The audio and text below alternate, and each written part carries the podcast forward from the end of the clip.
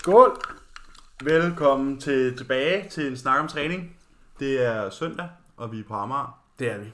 og vi er klar til, hvad man kan kalde en øh, hæsblæsende episode. Det bliver spændende i dag. Jeg har Ja. ja. glædet mig rigtig meget til i dag. Vi havde lidt en, en snak om i går, om hvad vi skulle snakke om i dag. um, Vi har jo haft nogle emner legnet op. Ja, og vi har haft nogen, vi skulle snakke om og sådan nogle ting. Uh, men efter at have set de lyttespørgsmål, vi har fået, Ja, så har vi besluttet at lave en Q&A. så vi lavet en Q&A i dag. Uh, den kommer ikke bare til at hedde Q&A, for det er jo aldrig sjovt. Og det fungerer heller ikke lige så godt. Der er ikke lige så mange, der gider høre Det er ikke så meget clickbait, vel? Der er ikke så meget clickbait over det. Så øh, vi finder noget at snakke om, hvor vi kan clickbait lidt, og øh, det bliver sikkert, øh, Det bliver sjovt i dag. det bliver sjovt. Jeg har glemt at hente- hente Pepsi'en, kan jeg se. Nå, men jeg henter, jeg henter lige en Pepsi mere. Pepsi. Nå, jamen jeg har jo været i Malmø. Øhm, nå, skal jeg lige recap? Jeg kan så recap, mens Emil henter Pepsi. Jamen min uge, øh, bob, bob, bob. Det var i søndags, vi snakkede sidst. Jamen, øh, min uge startede, som den plejer. Ingen ændringer. Øh, jeg har taget på, min vægt har steget, øh, men formen har været god. Jeg har været oppe og ligge over 98 kilo et par gange, og formen er stadig fin. Øh, men vi har været opmærksomme, fordi min, min, øh, min HRV, min heart rate variability, har været nedadtrendende, øh, som er et tegn, som vi snakkede om i deload-episoden, det er et tegn på, at man trænger til noget hvile. Men da mine træninger stadig var gode, øh, så ventede vi lige lidt.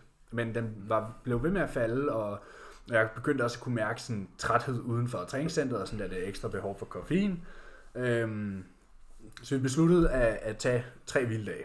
Sjovt, du får et behov for deload to uger efter, vi har snakket om deload. Ja, men så er det. Sådan er det jo. Altså vi, ja, og en dag efter vi kun havde haft, vi havde faktisk haft en, en del hvile, efter showet blev aflyst, ikke? Mm. For der var jo noget, noget, noget, noget tid uden træning. Det var så ikke så lang tid, jeg nåede at gå igen uden træning. Men ja, man har jo givet den gas tydeligvis. Øhm, så, så vi blev enige om tre hviledage, og det har passet perfekt med, at øh, min øh, kæreste og jeg havde snakket om at tage en tur til Malmø i weekenden, så det passede perfekt. Så da Cooper sagde god for den, så bookede vi også lige et hotel til Malmø. Fordi i Sverige er alt åbent. Øh, så jeg har været i Malmø den her weekend. Hvis I følger mig på Instagram, har I jo set det. Der tog vi hen fredag efter arbejde, og det har så været sådan... Der har ikke været struktur i maden. Jeg har jo selvfølgelig sørget for at spise proteinrigt, men jeg har også spist, øh, hvad jeg havde lyst til. Vi har spist noget is og en kebab, og vi var på restaurant, og vi blandede lidt slik og sådan. Ja, så fredag spiste jeg, spiste jeg godt, vil jeg sige. Så havde vi fået nok, øh, fået nok mad, da vi vågnede lørdag. og Sådan, man vågnede og var ikke engang sulten til den der morgenmadsbuffet. Og sådan, så i morgen var, i, eller i morgen, i går var lidt mere afslappet madmæssigt, og så i dag har været sådan på plan, da i dag var træningsdag. Jeg fik trænet i Malmø, jeg trænede i Sats, det var, det var fandme lækkert at få trænet et rigtigt center. Du træner ikke i det der gym, du sendte mig? Nej, fordi det havde vi ikke tid til. Fordi vi havde, det kunne vi godt have gjort, men så skulle vi have taget toget hjem. Men Karolines far var et andet sted i Sverige og kørte forbi Malmø på vej hjem, så vi kunne få et lift af ham. Ja, ja. Men så øh, havde vi ikke tid til at tage derhen, så vi trænede bare i sats, og det var udmærket jo. Der var jo plate-loaded maskiner og sådan noget. Så min workout i dag ligger jo på min story. Øhm, Til dem, der har lyst til at drive information. ja, ellers så kan det være, at jeg lægger det op som et opslag, så er der noget content jo at lægge op. Ja.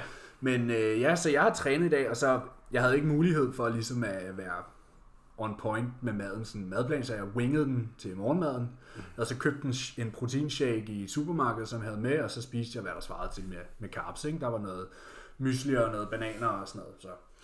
Og så var jeg med bilen, der købte jeg jo så en af de der store Nutramino, 50 gram carbs, 50 gram proteins, Ja. og så spiste jeg en bagel og, og noget brød ved siden af, så, og så har jeg så været på plan resten af dagen, ikke? Så nu er det back on plan. Ja, Så ingen ændringer fra min side af. Jeg har ikke været på vægten i tre dage. Jeg aner ikke, hvad den siger, men jeg synes, synes at spejlet ser det jo fint ud. ja bestemt, bestemt. Jeg sendte dig jo et billede i går aftes. Det gjorde du. Det gjorde du. Jamen, imens jeg lå og sov, jeg har været på arbejde i dag, og stod op klokken 5. Får man bare, så vågner man bare op til sådan et øh, sådan, øh, halvnøgen medvært i, i hotellys Ja. klokken 5. Så er, så er man ligesom stået op, kan man sige. Ikke? Jeg øhm. ved Øhm. jo, at vi sender billeder til hinanden. ja, det gør vi. Øh, jamen, øh, hvad er der sket her? Ikke så meget. Jeg, øh, jeg tjekkede ind i torsdags Mm. på... Vi har jo skruet ned maden for 14 dage siden, var det vist. Hvad passer det ikke meget godt? Jo, det er 14, det er 14 dage siden. Ja, det er allerede 14 dage siden. Ja. Nå. Og så tabte jeg mig lidt. Ja. Øh, indtil for en uge siden. Hvor jeg så stille og roligt har taget på igen. Så nu var jeg det samme, som da vi skruede ned maden for 14 dage siden. Men du ser bedre ud. Men jeg ser bedre ud. Så nu vejer vi igen 107 kilo. Vi var lige nede at vende på 105,1. Og så var kroppen sådan der, Hell nah. We, we ain't Du fik jo så faktisk lige den der bagel. Jeg fik den der bagel ekstra, øh, det er 400 kalorier ekstra på de dage, jeg arbejder, men det er jo så kun to, to dage om ugen, så det er jo ikke, Nej, Det er jo det er ikke nok. det, der har forårsaget. det er ikke øh, nok til, at du tager to kilo på på en uge bagefter. Det er nok bare, du er fyldt ud for at træne. Ja, jeg, jeg der bliver fortsat, fortsat øh, bliver fyldt ud af min, øh, min træning, ikke? fordi jeg har ligesom, man kan jo sige, jeg er kommet tilbage til der, hvor jeg ligesom kan finde intensiteten og, og har mulighed for at lægge det, der skal til, for ligesom at få skubbet glykogen ud i musklerne. Så øhm, ja, jeg er oppe på vej 107 igen. Kroppen, den gad ikke finde sig i at veje 105. Man kan man sige, det er måske meget fint, at nu har vi holdt den her vægt så længe, at det er måske meget fint, at jeg ikke bare lige så snart maden forsvinder, bare sådan, vuh, bare forsvinder. Fordi så kan man jo sige, så er det jo fordi vægten er holdt. Eller Ja. den er i gåseøjne fortjent. Ja, ja. Earn. At kroppen ligesom har vendet sig til at veje det her. Og jeg har jo ikke rigtig nogen problemer. Altså opgangen kan stadig godt være problematisk. Men ellers har jeg ikke, jeg har jo ikke sådan, jeg har vendet mig til den her vægt. Ja. Og jeg har ven- vendet mig til ligesom at navigere i den. Så nu må vi jo se, om den når at blive tungere inden. Ja, der er jo 23 uger til. 23 uger i dag, til at øh, vi står på scenen første gang. Ja. Nu må vi se. Ja. 22 uger faktisk. Er det 22? Ja, til newcomers. Nå. Jamen, så skal prep jo til at startes. Det skal prep skal til at startes, ja. Der er minim, mak, maksimalt 6 uger til prep. Ja. Øh, det bliver lidt mærkeligt at stå ansigt til ansigt med et kalorieunderskud for første gang i to og et halvt år. Ja, det sagde du også for to uger siden. Ja, det er så ikke det, rigtig... er, det er stadig en ambivalent følelse. Ja. Det har så ikke virket, kan man sige. Men, øh, Det har det, du ser bedre ud. Jeg, jeg ser bedre ud nu. Øh, jeg, jeg kan genkende, jeg havde sådan en, øh, jeg havde sådan seks kammerater siden på maven for noget tid siden. Den har jeg sagt hej til nu her igen. Ja. lidt efter er lidt. en pæn måde at sige det på. På en pæn måde at sige det på, at øh, jeg er lignet ud, og min trofaste øh, app-vane er også kommet frem igen. Ja. Så øh, Det er jo fornuftigt på 107 kilo, gensyn med gode kammerater, det er jo aldrig dårligt. Det. Øhm, så det er der, hvor vi er nu. Maden er, som den plejer at være. Det er spændende at se, hvad for nogle tiltag, der bliver taget nu, hvor showet nærmer sig. Ja. Showet nærmer sig, med, hvor man kan sige, prep nærmer sig. Altså, hvis du spørger mig, så er jeg ved at få et angstanfald, for jeg synes, det er lige om lidt. Det er det jo også. Ja. Du kan sige, der, du siger, der er, seks, der er maksimalt 6 uger til, at kalorieunderskuddet starter. Ikke? Mm. Det er 6 uger siden, at, at lockdownen startede. Ikke? Det er fandme fløjet. 6 uger går hurtigt. Ja, og så er preppen jo faktisk kun to og en halv gang lockdown. Ja. Det bliver nemt. Det er lige om lidt. Det er nemt. Ja, ja, men det er jo nemt. Det er jo et privilegie. Det er jo noget, vi selv vælger. og Det er noget, vi selv, præcis. noget, vi selv vælger at gøre. Det er noget, vi godt kan lide at gøre. Så det er jo øh, det er en fornøjelse. Også fordi, at nu, hvis man ser på statistikkerne, så skal jeg jo faktisk ikke i skole, før jeg er fire uger ude. Nej, så det, det bliver fantastisk. det bliver en, øh, en, en, en nem tur. Du skal bare købe en motionscykel herhjem til, så... Jamen, jeg har overvejet, om jeg skulle stille motionscykel ud på den der altan. Fordi Ja. ja. der får jeg morgensol. Det havde jeg gjort. Ja, ikke? Jo. Der har jeg morgensol. Ja, ja min står ikke på terrassen, men det er to grunde. Et, jeg vil ikke have den øh, for vand, hvis nu det skulle begynde at regne. Ja. Man kan jo købe et omslag til den. Ja, eller også så kan man flytte den ind ud. Det kan man også, ja. Det, det, det, det kan man også gøre, men der er sgu ikke sol på min terrasse om morgenen. Nej, der har jeg jo øh, sol på den ene om morgenen, og sol på den anden om eftermiddagen. Ja, det er jo, så får du både D-vitamin, og du får stimuleret din uh, circadian rhythm, og du får gjort din morgencardio. Og jeg får tiden til at gå. Ja. Men problemet er, så kan jeg bare ikke spille Playstation imens. Jamen, så kan du Ja, alternate, hvis nu der ikke er sol, hvis nu der er overskud, så kan du spille Ja, Playstation. eller også så kan jeg stille kondicyklen, så jeg kan se fjernsynet igennem vinduet. Ja, kan du dreje til det Nej, det kan jeg. Nå, okay. Men jeg kan bare... Nej, det må jeg af. Men jeg tror, at jeg skal pusse vinduer, hvis det er, jeg skal se fjernsyn. Øh, Det tror jeg også. det, kan jeg lige, det kan jeg lige afsløre. Ja, ja. ja de skal nok lige have en hånd, hvis du skal, og, og måske fjernsynet også skal støves af. Ja. ja, men jeg er lidt i en situation hvor jeg faktisk har gardiner for vinduerne, uden at have gardiner for. Øh, ja, Ja. Men, men, sådan, men sådan kan det jo gå. så kan I spare penge. Så Ja, men jeg, mig og min roomie, vi har besluttet os, det er faktisk et nyt tiltag, vi har besluttet os for at hyre en rengøringsdag, Okay, når han kommer hjem igen. Ja. Der kan man snakke om at have et luksusproblem. Ja. Men øh, vi kiggede på det, og så kiggede vi på vores indkomst, og så var vi sådan der, hmm, jamen det er jo bare prioritering af penge. Ja, så var vi sådan, øh, jeg kiggede på Tobias og var sådan, hvad er Tobias, kan du spare, eller kan du øh, undvære 175 kroner hver 14. dag? Ja, det kan jeg godt. Så spurgte han mig, så ja, det kan jeg godt. Så vi er gået i gang med at finde en happy helper. Ja. Den der smarte Det hjemmeside. lyder lækkert. Det, det jeg glæder mig, man kan selv få lov til at vælge. Ja. Det er super smart. Det er sådan lidt human trafficking, bare uden at være det. Ja, det kan være, jeg skulle spørge og snakke med Karoline om det. Gør det. Fisse fed idé, mand. Ja. Øhm, men ja, lad os da få dykket ned i episoden. Ja, hvorfor ikke? Nu Vi har en, øh, en del spørgsmål, og jeg tænker, at vi starter blødt ud, og så skruer vi lidt op for varmen. Ja, vi har begge to leg day i morgen, kan man lige til at tænke på. Ja, hvis det er vigtigt at træne ben i morgen. Mit bliver simpelthen elastikker, men det er så ved det her. Ja, jeg har så, øh, jeg kan godt squat. Ja. Nu har jeg, vi kan starte, jeg starter blødt ud herover. Med spørgsmål? Ja. Ja, Øhm, Kom ind. noget ved jeres fysik, I ønskede, var anderledes. Vil du lægge ud, eller skal jeg? Det vil, må du gerne. Okay. Øh, jamen, øh, jeg vil selvfølgelig ønske, at min overkrop vokser lige så hurtigt som mine ben. Vi har lige snakket om det der med, at øh, det er lige meget, hvad man gør ved mine ben, så vokser de. Mm. Jeg kan smide øh, 1000 gange volumen på dem, og de vokser. Øh, og jeg kan øh, lave ingenting. Der var jo en gang, hvor jeg ikke trænede ben i... Jeg trænede dengang der efter Newcomers, der, Der jeg, du ben en gang med 10 i dag. der havde jeg næsten et helt år. I hvert fald havde jeg, jeg havde minimum et halvt år til 8 måneder, hvor det eneste, jeg lavede til mine quads direkte arbejde, det var øh, to sæt hack squat hver anden søndag. Og de øh, var Voksede. væsentligt større året efter. det er lige meget, hvad jeg gør med de ben, der skal vokse. Så jeg vil selvfølgelig ønske, at min overkrop vokser lige så hurtigt, men så har jeg jo bare gode ben. Øhm, ellers så, øh, så kunne, har jeg altid på en eller anden måde været ked af mit bryst. Øh, mm. Bare ikke været tilfreds med sådan formen på dem, men jeg synes, det er blevet bedre, efter der er kommet mere størrelse på. Sådan. Ja, det plejer at hjælpe på tingene. Ja, det er jo det. Øhm, men hvis jeg skulle pinpoint noget, så var det nok det. Ja. Og, altså, det er jo muskelmæssigt, sådan, jeg kunne godt tænke mig en lidt mindre flad brystkasse måske. Altså sådan ribcage, Mhm. brystbenet indenunder, ikke? Ja. Meget flat. Det er sådan rent sådan posture-mæssigt kunne det være fedt, at det var sådan lidt mere. Arnold, Arnold-agtigt, ikke? Ja, ja, præcis. Men øh, hvis jeg skulle sige noget, var nok mit bryst. Ellers er jeg faktisk ret tilfreds. Jeg synes selv, jeg har bygget godt til bodybuilding. Jeg er måske, hvad man vil kalde en hard gainer.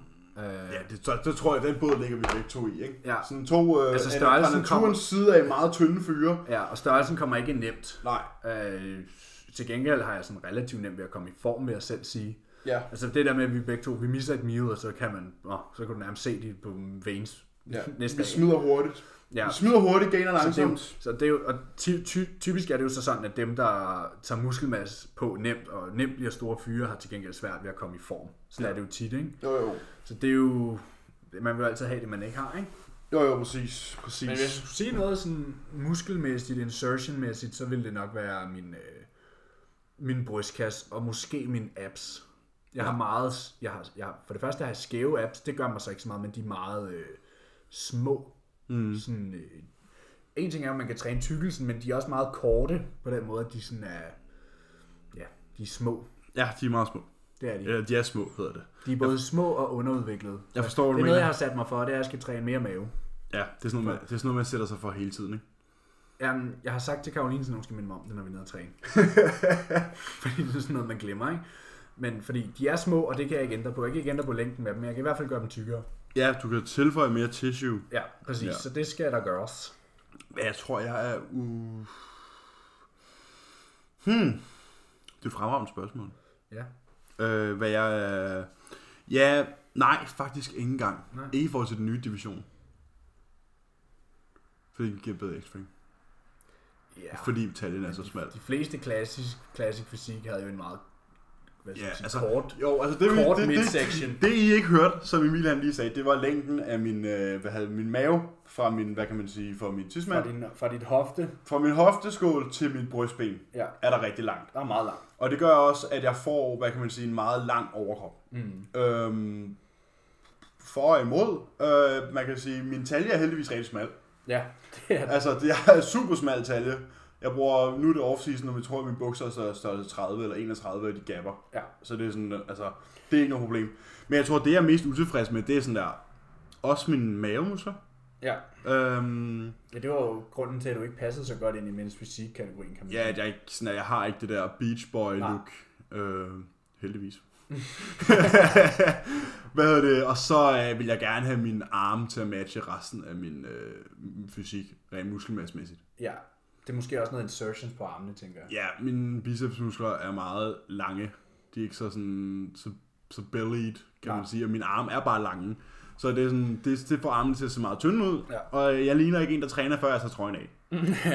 Øh, og man kan se, det, det ved jeg så nu ikke. og man kan se mine skuldre. Sådan her. Men det er så ved det her.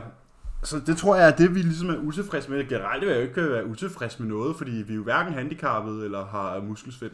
Øh, nej, det kan man ikke lige frem sige. Nej. Der, Øhm, men det er jo, altså, med mindre, med mindre man er Phil Heath, så tænker jeg, at der er noget, man gerne vil...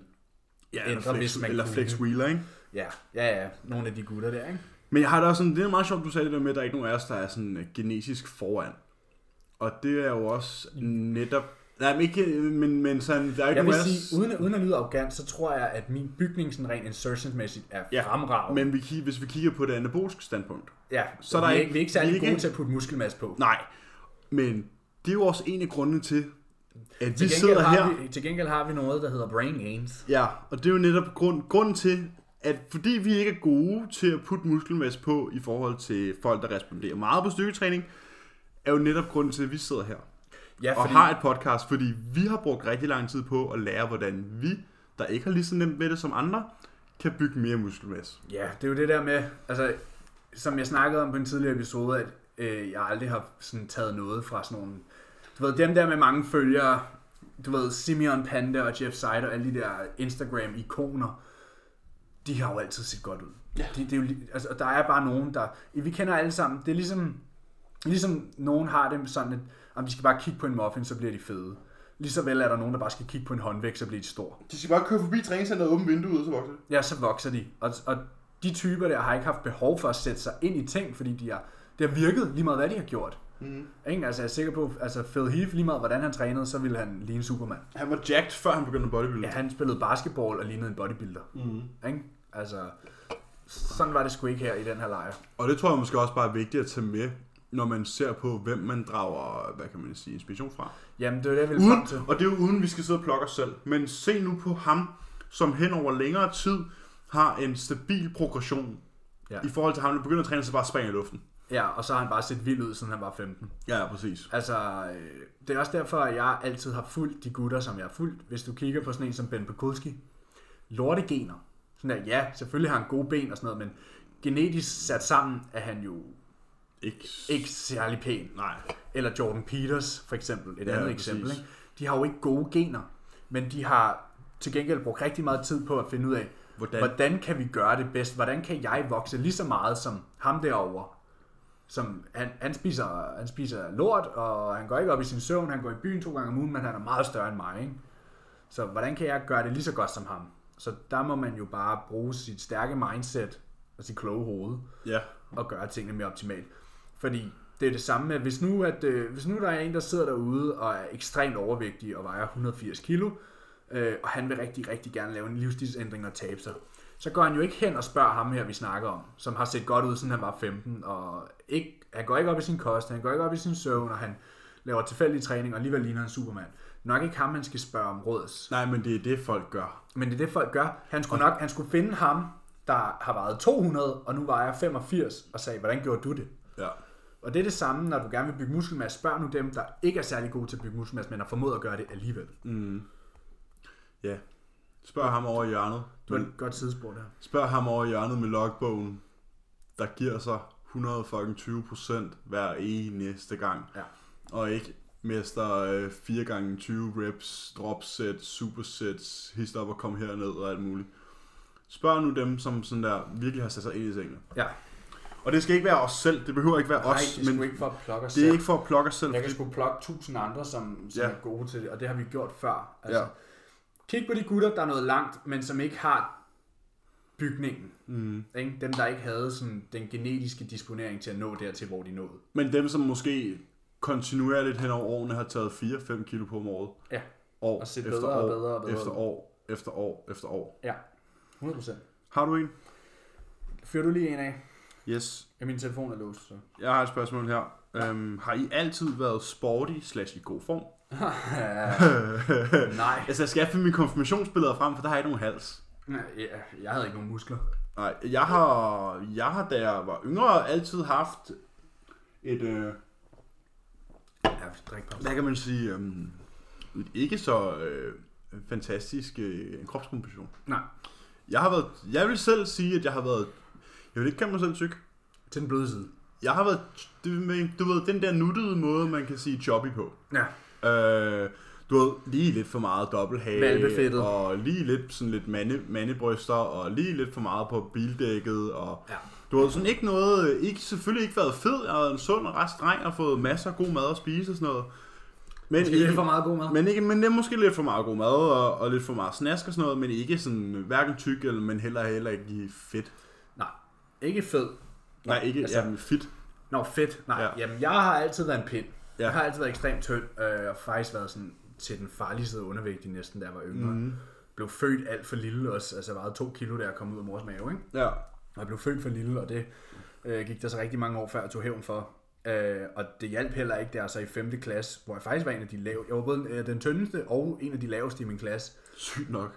Så skød jeg så lige pludselig 20 cm i vejret på et år, tror jeg. Og var det samme? Og så var jeg så et hoved højere end alle andre, øh, men var stadig, jeg var bare, så har jeg bare blevet endnu mere ranglet.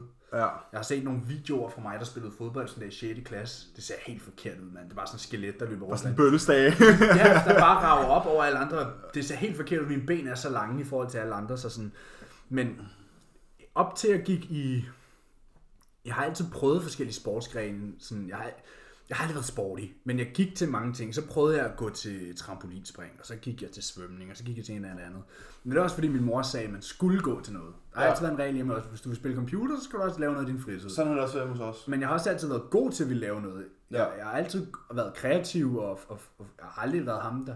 Altså jo, jeg spillede meget, men jeg lavede sgu også alt muligt andet. ved Sådan, at der har altid været tusind ting i mit hoved. Jeg bliver hurtigt restløs, har altid lavet tusind ting. Mm. Jeg begyndte så at spille fodbold, da jeg var 10 år gammel. Det var på grund af, min fætter var god til fodbold, og jeg kunne ikke lide, at han var bedre til noget, end jeg var. Ekstrem konkurrencemenneske. Så har jeg spillet fodbold lige siden, men jeg vil først sige, at jeg gik op i det der med at være fedt, fordi jeg spillede ikke, jeg spillede ikke fodbold for at komme i kondi og for at se godt ud. Jeg gjorde det, fordi jeg synes det var sjovt.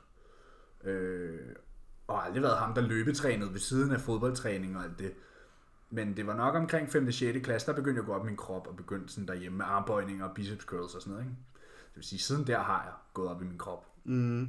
Jeg tror, sportiness... Nu kommer jeg... Øh, min mor, hun er gammel elitesvømmer. Ja. Ja. Sådan rigtig.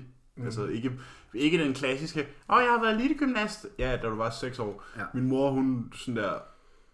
Det eneste, hun lavede i sin ungdomsår, det var at gå i skole og svømme. Nå ja. Det, altså, Dem, der stod op klokken 4, fordi de skulle lige træne, inden de Ja, skulle i skole. og 12 træningspas om ugen og Ja. sådan noget. Altså fuldt døgn på, ikke? Ja.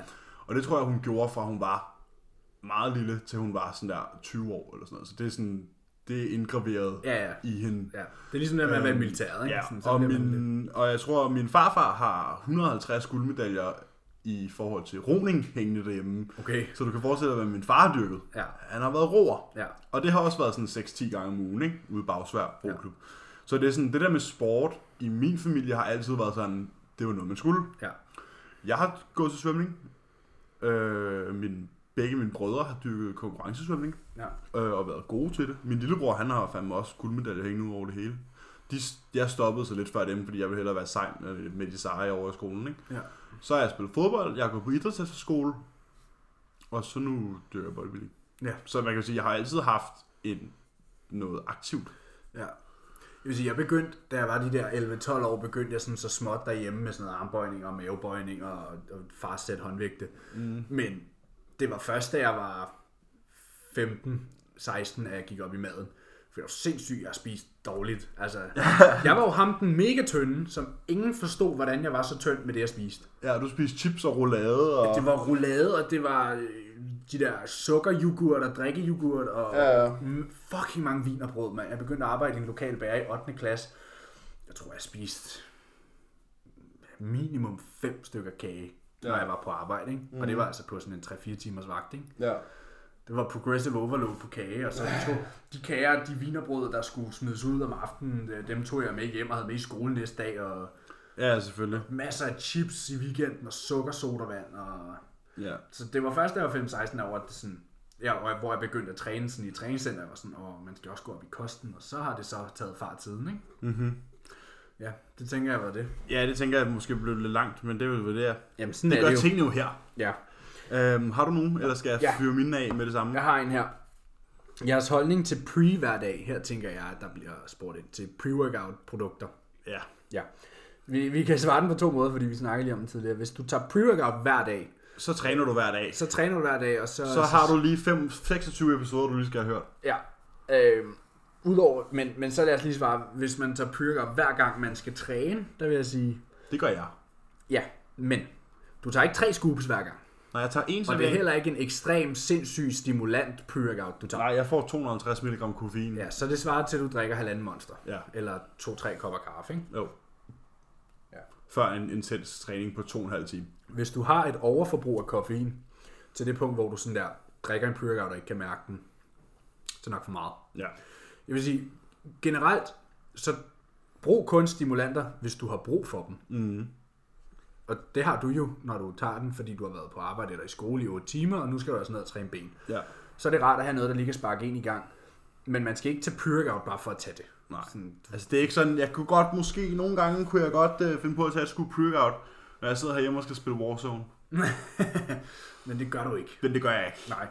Jeg vil sige, altså det er jo... Der tager jeg min blue light blockers på i stedet for. jeg, jeg synes, det er de produkter, man skal tage, hvis man har brug for det. Ja. Altså i hvert fald stimulantdelen af det. Der er jo Ja. andre. Men mindre du køber de der Fitness World Pre-Workouts og whatever. Eller Fitness Nord. Eller... Ja, sådan noget, sådan noget lort, hvor du ikke engang ved, hvad der er i, og det er sådan, åh, den her, den giver sygt et eller andet fucked Ja, up. og så sådan, at hvis du kigger bagpå og ved en bitte, lille bitte smule om formulering og sådan nogle ting, så kan du bare se, at alting er sådan der en fjerdedel af den kliniske dose. Ja. Så du får slet ikke de benefits, Nej, som der det er står rent, over det det, er rent hele. placebo og mentalt, det der med, at jamen, jeg, tror, jeg har været der. Altså, da, da jeg først blev introduceret til pre-workout, så var det jo fantastisk, fordi jeg drak ikke kaffe. Fik aldrig koffein. Nej. Andet end den der ene energidrik, jeg lige fik lørdag aften, når jeg sad kl. 3 om natten og spillede World of Warcraft. Mm. Så da jeg først begyndte til pre-workout, virkede det jo fantastisk. Jeg følte jo, at ej, jeg blev helt vildt stemt op til træning. Og så, fordi man gjorde det, eller dengang trænede hver dag i ugen, tog man det hver dag, og så mister man ligesom effekten af koffein. Så gik man jo til to scoops, og så gik man til tre scoops, mm. og lige pludselig så brugte jeg tre bøtter pre-workout på en måned. Ja. Og det var sgu dyrt, når man gik 16 år gammel og gik med aviser i første G nærmest, ikke? Ja, jo. Og så var det jo sådan, ej, jeg skal sgu spare nogle penge. Jeg, det der pre-workout, jeg vidste jo godt, at jeg ikke voksede af det. Det var jo den der, så følte jeg mig klar til at træne. Det var sådan ja. ja. ritualagtigt.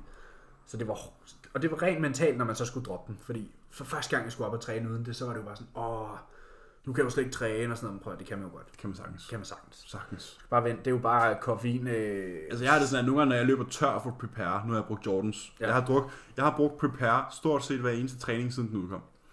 Og det er et år og nogle måneder siden. det er et år siden cirka. Nej, var det ikke før? Fordi jeg Nej, den- trænede i den- december, havde den- du den så ikke med? Nej, der brugte jeg, sidste år der brugte jeg Celluvold og Limitless blandet. Det er cirka et år. Nå, okay. Øhm, og d- jeg vil sige, den skuffer mig stadigvæk ikke. Nej. Men den, det er jo også fordi... den er det- god hver gang. Ja. Og det, men det er så også fordi, det er et ordentligt pre så folk sådan, du betaler mange produkter for mange, mange penge for det. Ja, men jeg bruger så også kun én servering. Ja, og Der er er træner 30 været dage. 16 gange på en måned. Ja, så den holder to måneder. Halvanden, Ja, ja, to halvanden måneder. Ja. Præcis. Jeg tror, det, det der med pre-workouts og, og fitnessindustrien, det er meget opreklameret. I, ja. Min, I min mening. Supplementindustrien generelt er bare meget opreklameret, og der er Meget rigtig, rigtig, rigtig mange mennesker, som ikke rigtig har styr på, hvad de laver. De Hvilket jo bringer os til et spørgsmål, vi har senere hen. Ja, det gør det. Men ja, prøv her. Hvis, hvis I ikke kan mærke, når I tager et scoop pre-workout, så er det fordi, I får for meget koffein generelt. Og så Ja. har I brug for sådan ligesom at finde sensitiviteten igen. Så det vil sige ingen stimulanser. Ja, ingen stimulanter, ingen monster, ingen koffein. Prøv det i to uger, og så gå tilbage til at tage et pre-workout, så kan jeg love dig for, at du kan mærke det. Ja. Og lad nu være med at tage den kl. 18, når du skal i seng kl. 22, ikke? Ja, så kan man købe en non-stim med nogle nootropics i, hvor du ikke får noget koffein, men du får nootropics, og du får nogle pumpeingredienser. Yes. Og så kan man jo gå tilbage og høre fra sidste episode, episode 26, hvor vi snakkede om det her. Ja. Så har jeg øh, et spørgsmål fra min klient Søren. Yes. Han spørger os, hvor lang tid bruger I på at lave mad og spise al den mad i løbet af dagen? Okay. Øhm, jeg tror, i gennemsnit bruger jeg et sted mellem 5 og 15 minutter på hvert måltid. Er på at spise det. Nej, på at lave det. Ja. Og så bruger jeg et sted mellem 5 og 10 minutter på at spise det. Jeg tror, jeg bruger... Så det er 25 minutter gangs... Ja, det er 3 timer, 3, 3,5 timer om dagen. Jeg tror, jeg bruger halvanden til to timer i køkkenet om dagen på at lave mad. Jeg laver meget. Den største del af min mad laver jeg til næste dag. Øh, og det tager mig, tager mig øh, maks 5 minutter at spise min måltid. Ja. Så vi ligger vel på omkring 3 timer, ikke? Ja. Ja. Alt inkluderet. Alt inkluderet, ja. Ja, cirka 3 timer. Det tror jeg næsten også er med indkøb i, i min case. Ja, sammen her. Det er også, vi skal bare lige derned. Ja, præcis. Ja, cirka 3 timer om dagen, ikke? Ja, på at handle ind, lave maden, veje den af, og, Og pakke den og spise den. Ja. Og nu laver op. jeg så alle mine måltider friske næsten, Og ikke? vaske op, ja. Ja. Men det er jo så, hvad det er. Så har jeg en her. Har I nogensinde dårlig samvittighed over at have en meget egoistisk livsstil? Og, øh, og til det, der vil jeg selvfølgelig bare sige sådan her. Bottom of my heart, I'd like to take this chance to apologize to absolutely nobody. Det er kort, for, kort fortalt. Jeg har sgu ikke... Øh, jeg er sgu ikke ked af den måde, jeg lever på, fordi så havde jeg nok ikke valgt at leve sådan her. Nej, jeg har det sådan lidt, prøv at høre her. Det her, det er for ligesom at, at hvad kan man sige, det, det er mit liv, mine regler, min sport. Ja. Det, øh, jeg, hvis jeg, jeg, jeg træffer mine valg og tager mine konsekvenser, alt efter hvordan jeg gerne vil leve mit liv. Ja. Det er mig, der holder rettet. Det er mig, der har sådan Styringen. Der, styringen. Det er ikke alle mulige andre, og jeg, jeg lægger mig ikke, jeg bøjer mig ikke, og jeg tilpasser mig ikke. Jeg kan godt tilpasse mig, men jeg, når dagen er slut, så er alle fluebenene sat. Jamen, det er jo det. Og jeg vil sige, det der med øh, skulle undskylde for at leve en egoistisk livsstil, det er også til hvilken grad man gør det, ikke? Fordi ja, bodybuilding er en ego- egoistisk, egoistisk livsstil, men jeg synes da stadig, jeg har tid til, til min familie og min kæreste og andet. Jeg snakkede faktisk med Kav, vi har jo været afsted på weekendophold her i Malmø og snakket meget sammen. Øh, og vi snakkede om det her med, at hun var, ked, hun var faktisk rigtig ked af, at jeg ikke nåede på scenen. Fordi at hun har, ikke, hun har heller ikke haft den forløsning af, at prep var overstået, fordi det er også noget, der påvirker ens partner. Hun vil gerne have sin kæreste tilbage. Hun vil gerne have sin kæreste tilbage. Det har jo så ikke været så mange uger, det har været slemt. Det var kun i kalorieunderskud i 10 uger, og det er jo kun de sidste uger, det bliver hårdt.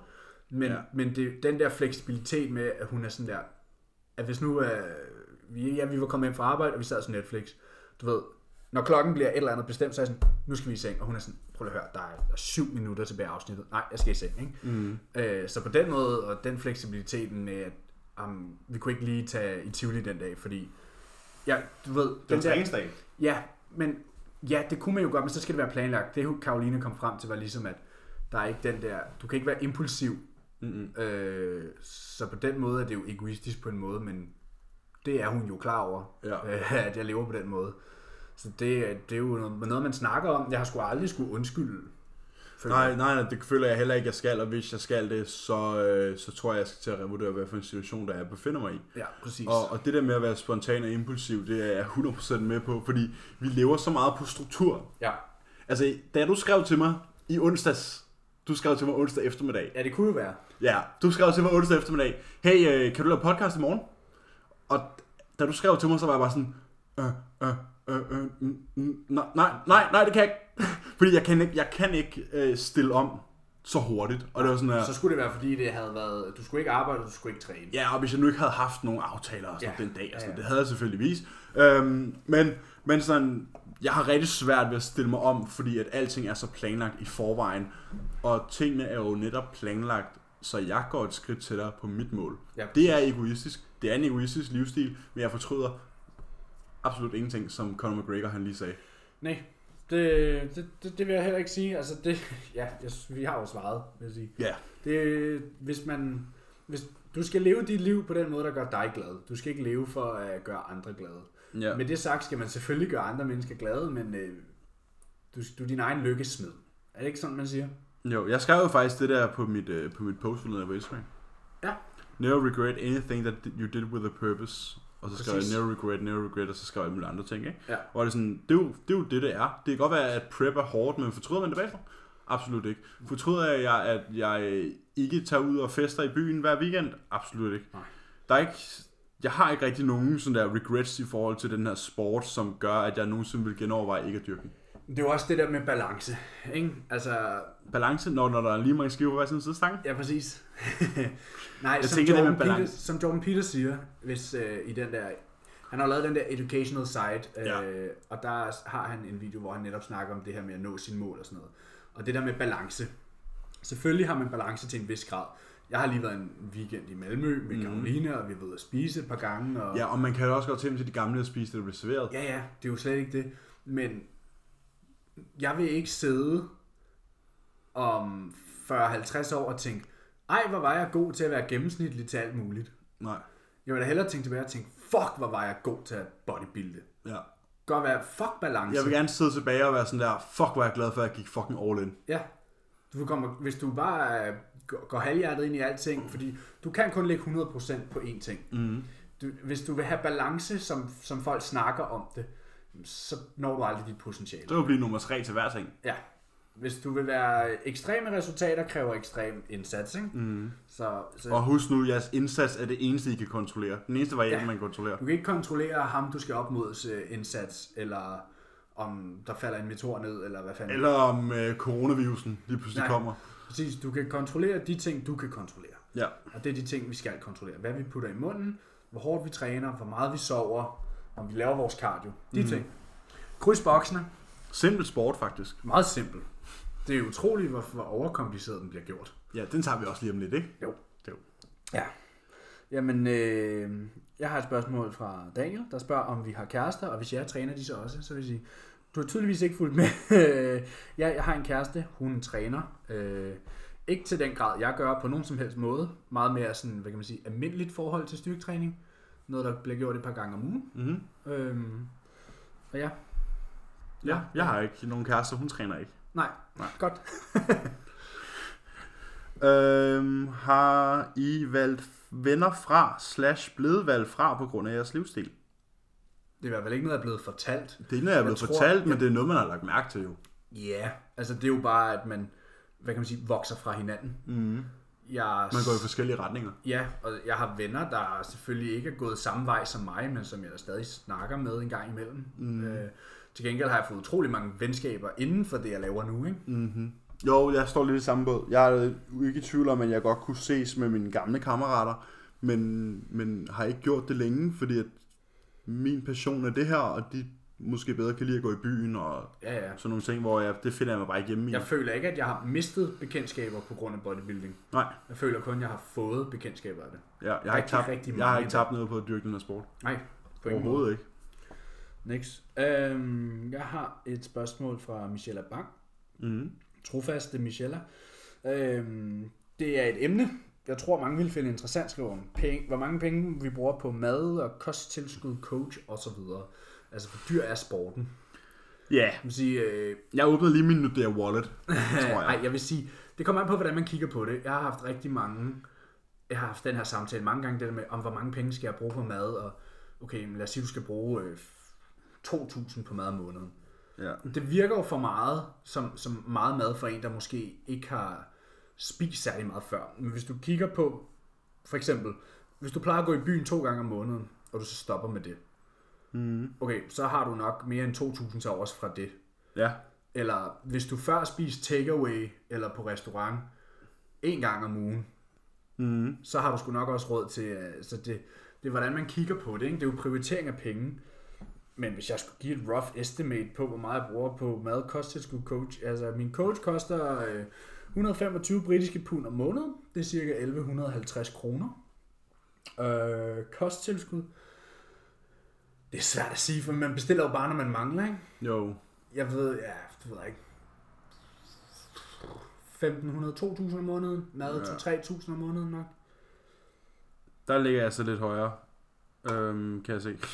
Det er også fordi, min Nordea Wallet, den tager alle mine, hvad hedder det, øhm, min kosttilskud og min dagligvarer, alt det der smidt ind under samme post. Ja. Og der kan jeg se, at min dagligvarepost for de seneste måneder i gennemsnit ligger på lige omkring 5-5.500 om måneden. Og det er mad, kosttilskud, alles. Det var det også. Ja, dagligvarer kosttilskud. Der lå jeg da også på 5-6.000. Ja, 5-6.000. Ja, passer ja. nok meget godt. 5-6.000 kroner om måneden på mad og dag, dagligvarer. Så kan man så sige, så kigger man måske på nogle andre måneder, så kan man sige, okay, underholdning og restaurant, 40 kroner. Ja. Husholdning, 400 kroner. Hobby og fritid, 250 kroner. Du ved, det er sådan, altså, jeg bruger er ikke penge, af på penge. andre ting end det. Nej. Shopping og service, 300 kroner. Ja. Og sådan, altså, det er Du sådan, har måske lige købt øh, en t-shirt. ja, ja, præcis. Altså, det er sådan, jeg bruger, vi bruger ikke penge på andet end bodybuilding. Nej, det er der, jeg helst vil bruge mine penge. Ja, altså nu sidder jeg sidder, nu har jeg jo lige købt en overring. Jeg sidder med en ring på hånden til 2.500 kroner. Det er jo ingenting i forhold til... Nej, men jeg sidder med en ring på hånden til 2.500 kroner, ikke? Og jeg har ikke købt et stykke tøj til mig selv i år. Det er Til, så- tre, det- til 300 Det har kroner. du så lige gjort i dag. Ja, det, det, det er træningstøj. Det er træningstøj. Ja. Jeg har ikke købt et stykke hverdagstøj til mig selv i over et år til 300 kroner, for det gider jeg ikke betale. Men jeg kan godt sidde med en ring på til 2.500. Fordi den Ja, er tracker, det, fordi den og så er det- tracker min er hjerterytme. Ja, og så er det ikke engang et smykke. Nej, det er en fitnessrelateret. Altså, Altså, hvis jeg skulle købe en ring til Karoline, ville det da ikke være... en overring. Nej, nej, nej, nej, men jeg mener sådan der 2.500, du ved. det er jo ikke noget problem. Det er jo ikke en penge for en nej, ring. nej, nej, nej, præcis. Men det er bare, det er sådan sjovt at tænke på, ikke? Man køber ikke tøj til sig selv, men man kan godt købe noget, der er fitnessrelateret. Ja, jo jo. Det er ikke, det er ikke dyrt. Jeg har så købt tøj inden for det seneste år, men øh, det er også fordi, at øh, så kropskompositionen ændrer sig, ikke? og så skal Jo, jo, man jo... Lige pludselig kan man ikke passe sine skjorter, og bukserne er for små. Og... Jeg tror heller ikke, jeg kan passe, jeg kan ikke passe en eneste skjorte, der hænger den. Nej, det var det, jeg havde et problem med, fordi lige pludselig skulle jeg bruge en skjorte, ikke? Så kommer man på den. Ja.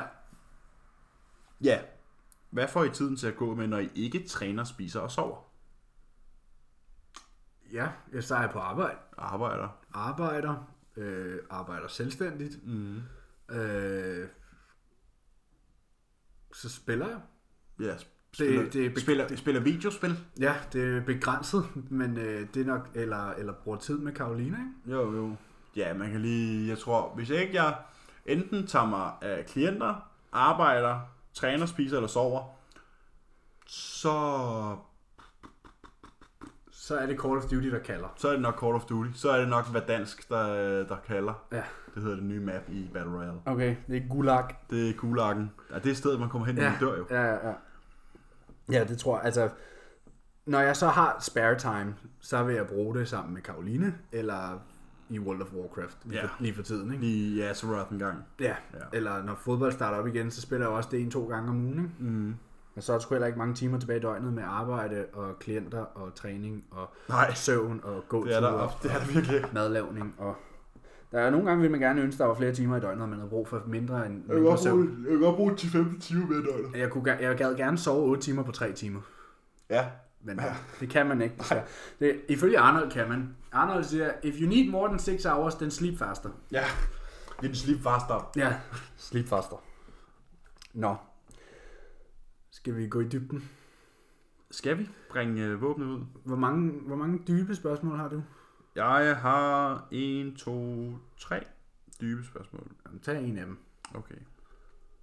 Hvordan skal man gribe sin træning an, når fitnesscenterne åbner igen, i forhold til vægt og sæt? Ja. Det er jo en forskel. Nu skal vi jo snakke om det der med at manipulere volumen, alt efter hvordan du restituerer. Det er igen rest, hvor, din restitutionsevne, volumen, intensitet, frekvens. Hvad har du lavet under corona? Ja. Jeg tror måske, vi laver et helt afsnit på det her.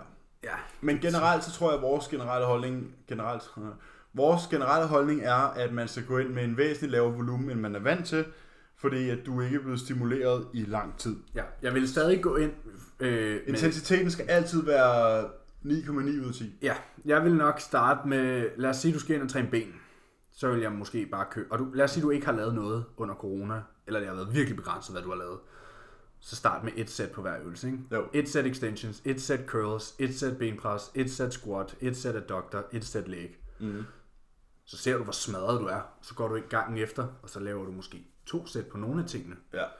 Og så bygger du det op. Fordi hvis du går ind første gang og kører dig selv over, så er du øm i 10 dage, og så kan du ikke så, så kan du ikke lave progression allerede anden gang, du kommer ind. Hvor hvis du bare bygger det op stille og roligt, så er du safe and sound, når du er to uger inden. Mm. Så er du tilbage til normalen efter to-tre uger. Ikke? Og så kan du begynde at slå logbogen. Ja, det kan du nok i forvejen. Jeg garanterer dig for, hvis du ikke har lavet noget, eller du har lavet meget begrænset, så, øh, så vil du opleve progression fra gang til gang til gang. Hvis du... Ja, fra gang til gang til gang, men men sådan første gang, Nå, så kan ja, man du nok mener, ikke, så slår du du- kan ikke slå tallene fra sidste Nej, træning. Nej, du mener fra før corona. Ja, fordi der er et helt bevægelsesmønster, som ikke er det samme, og der er, der er rigtig mange ting, som du skal, sådan, neurologisk skal du blive så effektiv, Ja. som du var, før du begyndte at træne. Ja, fordi det, det tager meget kort tid at tilpasse sig til øvelser, du har været vant til. ja. Lad os sige, du har den der... Whatever. Den der benpresmaskine, eller hvad fanden. Mm. Den kommer ikke til at føles lige så vant, når du kommer ind første gang. Og du er måske tæt på styrken, og du tænker på som den styrke, du var før corona, og du tænker, om jeg har mistet styrke. Nej, det er nok meget begrænset. Det, du har mistet, er nok mest den sådan... Neurologisk effektivitet. Ja, lige præcis. Bevægelsesmønstret og det der med at finde intensiteten. Signaleringen. Ja, så ja, generel holdning. Gå nu stille ind i det og byg det op. Mm. Det er den bedste måde at gøre det på. En to-tre en to, ah, to, tre, øh, to, tre rotationer, så burde man nok gerne være tilbage ved baseline volume, ikke? Jo. Intensitetsteknikerne burde man nok lige holde lidt tilbage, men dem kommer vi til at snakke om i næste uge. Ja, eller næste uge igen. Nu må vi lige se. Ja. Så øh, det er din tur. Mm. Jeg har endnu et spørgsmål fra min klient Søren. Ja. Det var den, jeg gav dig lov til at fyre af. Ja. Han har spurgt, nu har I nævnt potassium nogle gange. Vil I ikke forklare dets effekt? Ja, og der sagde jeg, at den, øh, det er noget, man lige skulle have læst op på. Ja, det har jeg gjort. Øhm, potassium, også kendt som kalium, øh, mineral, og en elektrolyt, som er ekstremt vigtig i kroppen af mange grunde. Og nu skal det ikke blive alt, alt, alt for nørdet, det her med at forklare, hvordan det hænger sammen med muscle contractions og ionerne, der er positivt lavet kontra øh, hvad hedder det, kolin, som er negativt lavet osv. osv. Potassium er vigtigt, fordi det kontrollerer dit blodtryk. Det har noget at gøre med væskemanipuleringen i blodet, Mm-hmm. og det ligesom løsner op i blodårene, potassium. Øh, derudover spiller det sammen med sodium og kolin. Jeg er ikke sikker på at udtale det, kolin. Jo. Øhm, de, har, de er ansvarlige for muscle contractions, og muscle contractions er jo også noget, vi har i hjertet, for hjertet er en muskel. Så det er ekstremt vigtigt for sådan dit, øh, hvad hedder det, dit øh, kardiovaskulære helbred, hedder det det? Ja.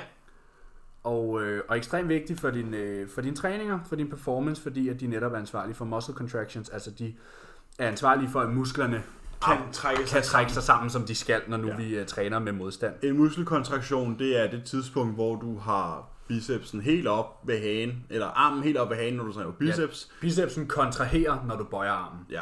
Det er, Så når musklen er så kort som muligt. ja, det er en fuld contraction. Ja. Men for at contraction skal, kan finde sted, så skal du have de tre elektrolytter til stede, Ja. og ting som magnesium og så videre også. Der, er- det Ja, er og lige- væske. og væske, ja, for det er jo sådan noget med hydrering.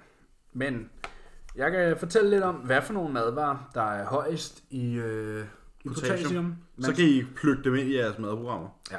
Man skulle helst gerne have et sted mellem 3,5 og 4,7 gram af potassium om, Om dagen. dagen. Øh, det kan man få, det skal man have igennem sin mad. Man kan også få det igennem elektrolytsupplementer. Øh, noget vi bruger under vores træning, Mm. hvor der både er sodium, magnesium og øh, potassium i. Ja. Når, når I kigger på Og madvarer, så skal kan I... man så sige, der er jo så også kreatin og for eksempel glycerol, som også hjælper med hydreringen. Ja, citrullin. Så er citrulline, og der er vand, og der er kulhydrater. Så det er jo sådan en komplet cocktail på, hvordan du hydrerer ja. Bedst muligt. Præcis. Øhm, jeg skulle til at sige noget. Hvad jeg skulle til at sige? Jo, Listen med madvarer. Ja, man skal have mellem 3,5 og 4,7 gram om dagen. Øhm, og det, vi regnede lidt på, om vi fik det, Og det gør vi. og det gør vi. Øh, vi bruger også nogle af de madvarer, som er allerrigest her. Her er en liste over de, de rigeste, og det er øh, bananer, laks, edamamebønner, spinat, øh, kartofler, både søde kartofler og yams og hvide kartofler, avocado og sojabønner og sådan noget som rødbeder. Så fandt vi selv ud af, at sådan noget som peanuts er jo også utrolig høje. Mm. Øh, generelt nødder tror jeg er højt i potassium. Men man kan sige, jeg, nu, det måltid, jeg spiste, da vi gik i gang med at optage, der var øh, 200 gram hvide kartofler og 100 gram rødbeder. Så der er der 1,3 gram potassium i, ikke? Ja, ja, præcis. Og så i dag har jeg også fået en banan, øh, og jeg har fået diverse grøntsager, øh, så, og plus mit øh, elektrolyt kosttilskud, ikke? Ja, så vil du sige- er dækket ind. Ja, generelt er det en god idé at have kartofler i sin diæt. Det er godt at have bananer i sin diæt. Laks er jo også helt vildt sundt med omega-3 fedtsyrene. Avocado er også en superfood. Sweet potato superfood. Spinat superfood. Ja, det tror jeg var det. Ja. Det er Det- godt at få de gode madvarer. Ja, det er også derfor, det er vigtigt at spise sine grøntsager. Fordi hvis nu, at du er i, i, i slutningen af cut måske, og der er ikke råd til så mange avocadoer og bananer og kartofler, for carbsene er mega lave, og, Ja. og du heller ikke har råd til fedtet, fordi fedten er lav, fordi det eneste, du får, næsten er protein, Mm-hmm. jamen, så er det nok en god idé at spise nogle grøntsager. Fordi nu slog vi lige nogle af de grøntsager, vi spiser op. Øh, sådan noget som spinat, Rød grønne bønner, broccoli, peberfrugter, løg, og de indeholder alle sammen et Sted sted mellem- mellem 200-300 mg per 100 gram. Så hvis du spiser 600 gram grønt om dagen, så får du også et sted mellem 1,2 og 1,5 gram potassium derfra. Mm. Og så kan man jo også bruge tilskud som elektrolytpulver til at nå det, hvis nu man ikke har nok mad på planen til at ramme sit potassium. Ja. Det er en del af de mikronutrienter, og det er vigtigt Ja, at holde ved lige. Det er det. Det er ekstremt vigtigt. Både for helbred, Næringsstoffer. både for helbred og for performance. Yes. Og performance ved I jo godt, er det vigtigste. Det er det. Og øh, jeg skal tisse. Nå, okay. Vi tager en tidspause. Den tager vi lige. Og så efter en øh, mindre, hvad kan man sige, humanitær og teknisk pause, så er vi tilbage til Ja. ja. denne episode af Q&A. Ja, jeg har et, øh, jeg har et spørgsmål fra nap underscore fit, der siger, Hi there, Boral Fitness. Are you using any of my online workout plans right now? Sorry, mate. Desværre. Unfortunately not. At this, Ikke umiddelbart. at this point in time. Ikke umiddelbart. Ikke umiddelbart. Nej. Det kunne være, at jeg skulle undersøge det. Mm. Lave, øh, se om jeg kan kopiere nogle gode idéer til alle mine klienter. Ja, jeg har også et spørgsmål fra Drew C00, der skriver, nice page, keep it up. Ja, Tak, buddy. Og så har jeg for. jeg har et spørgsmål fra Slacks Activewear. Can you please send us a DM og sætte et hvidt hjerte? Øh, Øh, nej. nej, det, det, det, det kan jeg godt, men det har jeg ikke intention om. Nej. Kan ikke lige se, hvad jeg skulle bruge det til. Og så har vi Calvin Callie, som lige har spurgt, uh, what's up? What's up? Der er What's pod- up? podcast is up. WhatsApp. WhatsApp. Jeg har, øh, jeg har så faktisk et spørgsmål fra sådan en random side, som vi faktisk godt kan øh, bruge Ja. til noget. Det er Nova Body Company, der spørger... What's the most unusual thing you have ever eaten? Nej. What is your favorite family vacation? Okay. De har spurgt mig om, what's the most unusual thing you have ever eaten? Nå, What's your favorite family vacation? ja. Jamen, øh, Jeg tror, min yndlingsferie den bedste ferie, du har været på er... med familien. Åh, ja. Jeg ved godt, hvad jeg skal svare. Det var min tur til Bali med min mor og min lillebror og min lillesøster i 2018. Det var fantastisk. Det var med Stjernegård Rejser. Og jeg vil, nu vil jeg lige fortælle lidt om den Udover du mistede alle dine gains. Det kan klart anbefales. Ja, øh, jeg havde diarré 18 dage. Det er så en anden side af sagen. Men det var fandme en god ferie. Vi, vi rejste med Stjernegård Rejser. Og det var sådan en rejse på 18 dage, tror jeg. Det er så med, med rejsedagen inklusiv.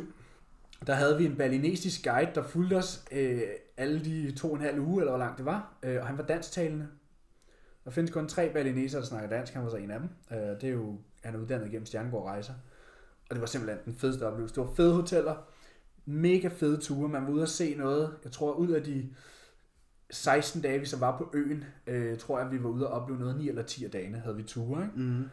Og man så jo alt fra, at vi var nede og se hans landsby, og, og hvor, og hvor han bor personligt, og mødte hans familie, og vi var ude og besøge andre landsbyer, ruiner, vulkaner, vandfald, og det var bare så fedt. Han var god til dansk, han var god til mennesker. Det var en pissefed tur, fordi at når du så havde spørgsmål, så var det nemt at stille ham dem, fordi det var på dansk. Mm. Og han, ja, det var, det var pissefedt. Den, den, den rejse, det var den bedste rejse, jeg nogensinde har været på. Øh, og jeg vil helt vildt gerne sted. Jeg har faktisk tænkt mig, at Karoline og jeg skal på præcis samme tur, bare for at hun kan få oplevelsen også. Ja. Og jeg blev sådan venner med ham, fyren. Han trænede også og sådan noget, og gik op i det og spurgte ind til min bodybuilding og sådan noget. Pissefedt. Fedt, mand. Det var min fa- favorite family vacation. Derudover så elsker jeg bilferie, fordi min familie har altid, vi har altid kørt på bilferie min familie. Kørt til Kroatien og Sydfrankrig og Italien og sådan nogle steder i bil, og det er bare pissehyggeligt. Og det skulle vi også have været igen i år. Sidst vi var, det var i 2012, tror jeg. Eller to. Jo, det var 2012. Øhm, nej, det var 13. Mm. Det var i 2013, vi var det, der var i Sydfrankrig. Øh, og vi skulle have været det i år med min, øh, ja, Karolina og jeg, og så min mor og hendes øh, kæreste, og hans søn og min lillebror. Vi skulle have været til, ned til Gardasøen her i starten af juli. Det ser jo ikke ud til at blive til noget, nu må vi se. Regner ikke med, at det bliver til noget. Nej, nok ikke. Nok ikke. Men bilferie, det elsker jeg. Ja, jeg tror, en af mine yndlingsferier har var min første bilferie. Ja. Det var øh, familien og, og jeg, der i 2015 fløj til Fort Lauderdale, som ligger i Florida. Og så lejede vi en bil. Og så kørte vi fra... Det var ikke bare en bil. Nej, vi lejede en Chevrolet Suburban, som er den bil, som man ser alle FBI-agenterne køre rundt i i amerikanske film. Det er en monster af en bil. Ja. Der er en solvandskøler i hans rum. Ja. Bil. Øhm, og der kørte vi fra Miami til New York hen over fire eller fem uger, og gjorde selvfølgelig stop på vejen i alle mulige steder i Washington, og øh, vi var på Key West, og Ej, altså, vi har været alle mulige steder. Ja. Og så var der en tur til Thailand i 2012, også i en 4-5 uger, hvor vi også tog hele vejen rundt i Thailand, og det tror jeg også er nogle af de, det er nogle af de ferier, jeg husker mest, sådan, der er mest, hvad kan man sige, der var Oplevelser. oplevelser, og gjort, gjort, gjort det største Jeg, indtryk. jeg er ikke? så meget for de der charterrejser. Nej, så var det jo første gang, når en pige, der fløjtede efter mig, det var så i Pattaya, så det kan man jo så Ja. overveje, om det var en pige, eller, eller hvad det var. ja. øhm, men øh, det tror jeg, de to, en tur til USA og en tur til Thailand, ja vi, lavede, vi lavede også en øhop. Det var så bare Karoline og jeg sidste år. Det er faktisk et år siden, der var vi, øh, i Filippinerne. der var vi i Filippinerne nu, øh, og lavede sådan en øhop fire forskellige steder. Ja. Pisse fedt sådan noget. Og det har vi også snakket om at gøre igen til efteråret, hvis, det, hvis man må, og det. Ja, for så at komme tilbage til bodybuilding-snakken. det er jo en snak om træning. Ja, øhm, jeres take på, og hvordan man, på at knytte ens ego til det, hvordan man løfter frem for, hvor meget man løfter. Det er jo stillet af Den- Christopher Bangsgaard. Den kommer fra Mr. Glutes. Mr. Glutes og Shredded Lower Back. Ja, Mr. Christmas Tree. ja. Christoffer Bangsgaard spurgte om det her. Og, Det er jo en snak, øh, vi begge to har haft mange gange, og jeg har snakket med Christoffer om det her. Mm. Fordi det er jo noget, vi generelt er meget enig i. enige i, og øh, ja, det her med at knytte egoet til et, det her skill at løfte, Mm. at mestre en bevægelse, før du går op i, hvor meget du løfter. Ja. Fordi jeg er fucking ligeglad, om du dødløfter 250 kilo. Hvis du ligner en sur kat. Ja, præcis. Sådan en kat, der bliver forskrækket og hopper, ikke? Ja, ja, præcis. Sådan en sur handkat der. Ja. Ja. Altså, jeg har det sådan, for, for mig at se, så tilknytter jeg ikke længere mit ego til, hvordan jeg løfter, fordi jeg ved, at det er i orden. Ja, Fordi min form er standardiseret, så jeg tager ikke en progression, hvis ikke min form er i orden. nej. Så når jeg gør noget, så det eneste, jeg skal tænke på, det er at smide mere vægt på, fordi jeg ved, at min benpres får min knæ op i hovedet. Jeg ved, at min baglår rører min læg, når jeg pendulum squatter eller hack squatter. Jeg ved, at jeg bevæger min bryst i dens fulde active range of motion, når jeg presser noget. Ja. Altså det er sådan, jeg tænker ikke over det, men det er vigtigt, at man lærer evnen til at løfte rigtigt, inden man... Du skal lære at køre bil, før du trykker på speederen, ikke? Jo, præcis. Du skal lære at kravle, før det går, ikke? Ja, altså der er og igen, så, ja, det kan godt være, at du træner med fuld range of motion, men der kan jo være mange andre ting, ikke? Mm. Er vinklen rigtig? Øh, flugter din skulder for meget, eller din albue i forhold til din skulder? Har du overhovedet mind to muscle connection? har du kontrol over stangen? Ja. Er du i kontrol over vægten, eller vægten i kontrol over dig? Ja. Jeg plejer at sige, jeg skriver altid til folk, at du skal træne med et kontrolleret tempo. Mm. Det skal ikke nødvendigvis være langsomt. Det skal være det tempo, du kan kontrollere. Jeg lagde en video op af mig, der øh, barbell squattede her for noget tid siden. Og det er jo noget, jeg ikke har gjort i tusind år. Og der var mange, der skrev til mig, at det var da en overdrevet langsom ekscentrisk. Nu skal I høre, der er rigtig langt ned for det første. 3 sekunder ned minimum. Ja, altså igen, ja, fordi hvis du, skal, hvis du er 1,85 høj, og, og du kan komme ned i bunden af en squat på to sekunder, Så går det så er du ikke i kontrol hele vejen. Nej. Jeg plejer at sige, at hvis jeg, siger, hvis jeg stod ved siden af og sagde stop, så, så skulle du kunne stoppe vægten. Ja. Det er faktisk meget sjovt, fordi den har jeg inde i mit hoved, når jeg presser noget. Ja. Når jeg bevæger vægten ned imod mig, så, er det sådan, så siger jeg selv ind i hovedet sådan, stop. Og så trykker jeg forfra, ikke? Ja. Ned, pausen, op igen. Og en anden god måde, man kan lære god form på, det er ved at køre deadstop. Man Mhm. kunne tage et par uger, hvor man kører deadstop på alting. Det skal jo så selvfølgelig være inden for ens aktive range. Det vil sige, du skal ikke køre ned og lægge stangen på brystet, hvis det er uden for din aktive Du skal range. sætte pinsene ude siden. Men så kan du sætte pins, ja, eller i smidstativet for eksempel, og sådan noget. Fordi hvis du lægger den død hver gang, så er det svært at snyde. Ja. For eksempel det, jeg lagde op med de her floor skull crushes, jeg lagde op i dag. Mm. Øj, fantastisk bevægelse. Ja. Ikke optimalt med en barbed, vil jeg nok sige, for, Nej. men det var, hvad det lige var. Esbar vil nok have været... Ja, eller håndvægt eventuelt, ikke? Ja. Men ja, at det øvelser som for eksempel squat, dødløft og bænkpres og, og varianter deraf kræver, det er et skill at kunne udføre dem. Mm. Fordi der er så mange led, der bevæger sig. Der er så Du skal sørge for, at alle musklerne skyder i den rigtige rækkefølge. Ja, og du skal sørge for, at din led står rigtigt, og du skal holde det der tryk for at sørge for, at du ikke smadrer din lænd. Og der er så mange ting involveret, så det er et skill at kunne squatte. Det er et mm. skill at kunne dødløfte, og man kan se det. Du kan se det på en, der dødløfter, om, om det ligesom er, om de kan gøre det i søvne. Ikke? Ja. Og lige når vi snakker om squat og dødløft, Ja. så har jeg faktisk fået et spørgsmål. Men er vi færdige med at snakke om det her? Er vi det? Det tænker jeg, at vi, ja, konklusionen må være, at egoet ligger i, hvordan du udfører bevægelsen. Generelt skal man slet ikke have et ego omkring træning, vil jeg sige. Nej, Ikke, nej, ikke decideret ego. Nej. Du skal ikke komme ind som en eller anden oplæst øh, handkylling Nej. og tro, at du nu ejer du hele verden. Men det, som Christoffer mener, er, at du skal tage mere stolthed i at udføre øvelsen rigtigt, end hvor meget der er på stangen. Ja. Og det er det, jeg sagde.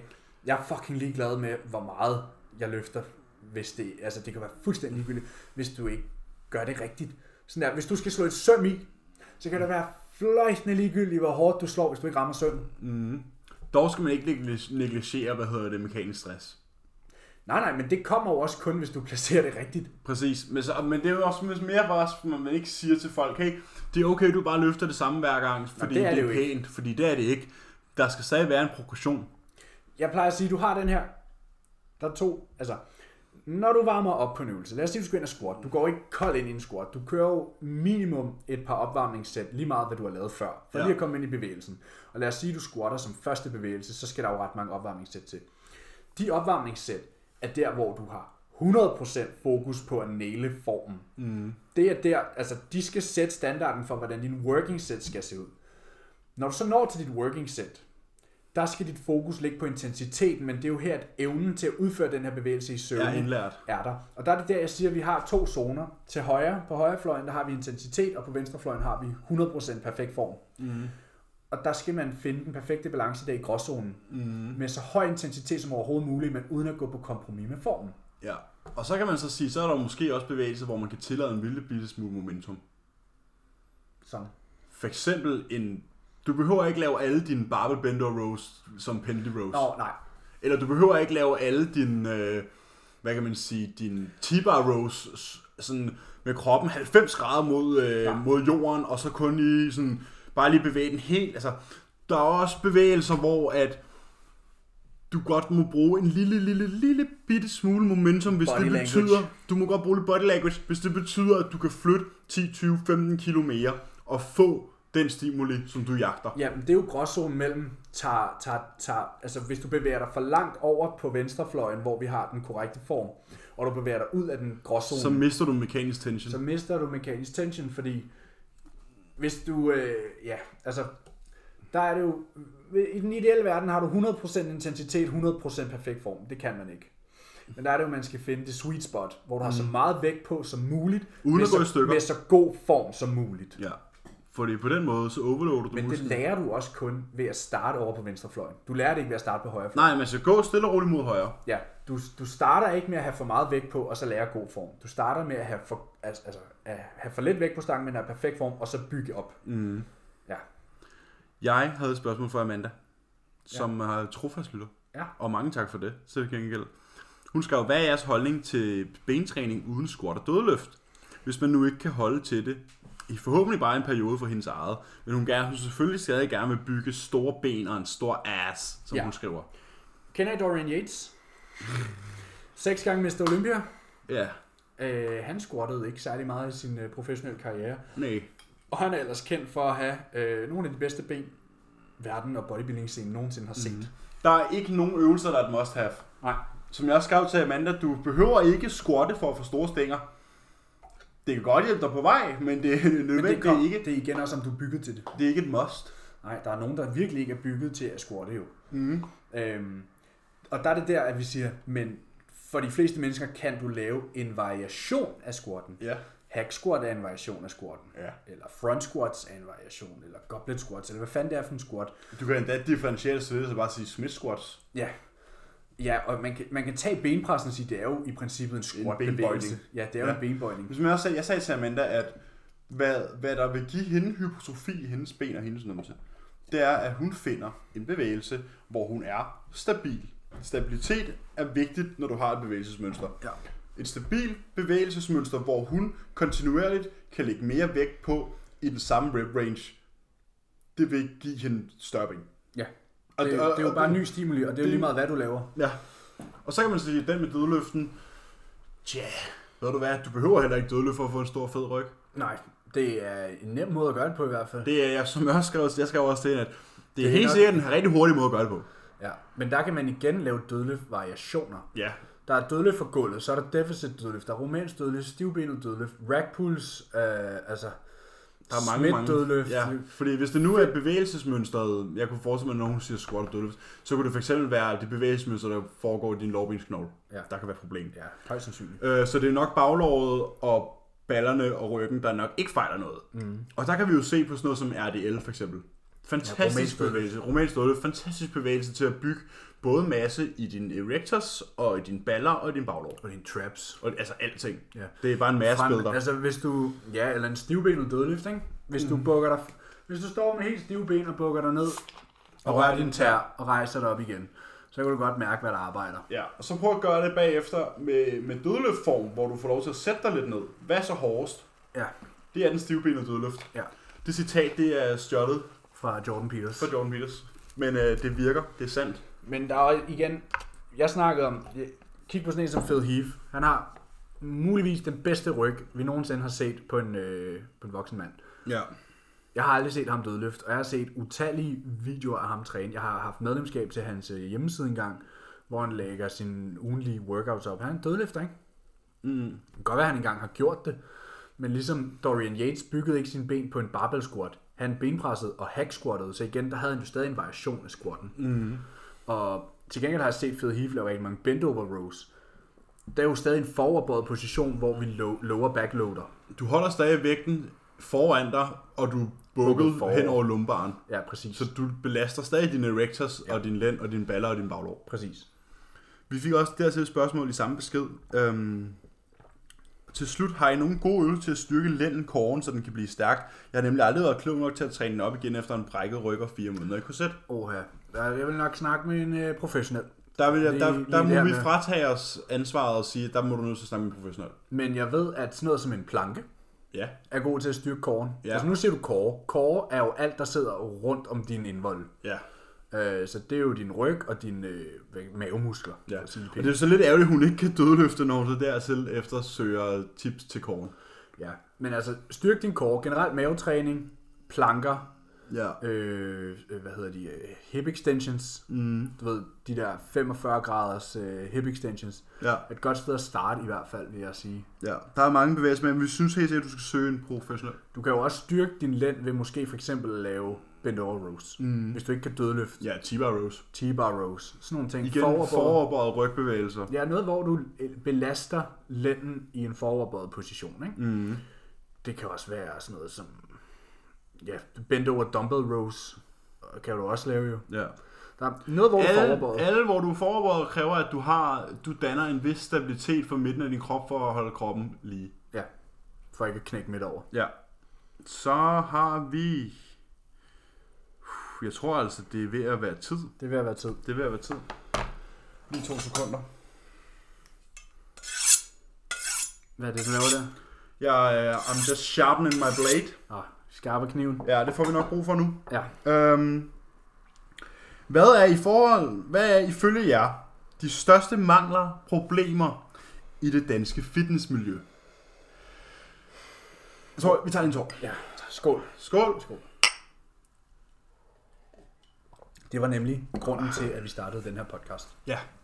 Og det var fordi, at vi simpelthen kiggede på for eksempel den engelske fitnessindustri, Mm. og sammenlignet med den, vi bor i, den danske fitnessindustri, Desværre. og sagde, der mangler sgu noget. Vi er bagud.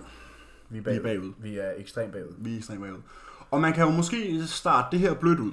Mm. med, vi fik et spørgsmål fra Helene Christine, der spurgte os, hvem vi synes, der var værd at følge. Ja. Der er rigtig mange influencer og coaches og sådan nogle ting i Danmark. Mm. Og hvor mange kunne vi nævne?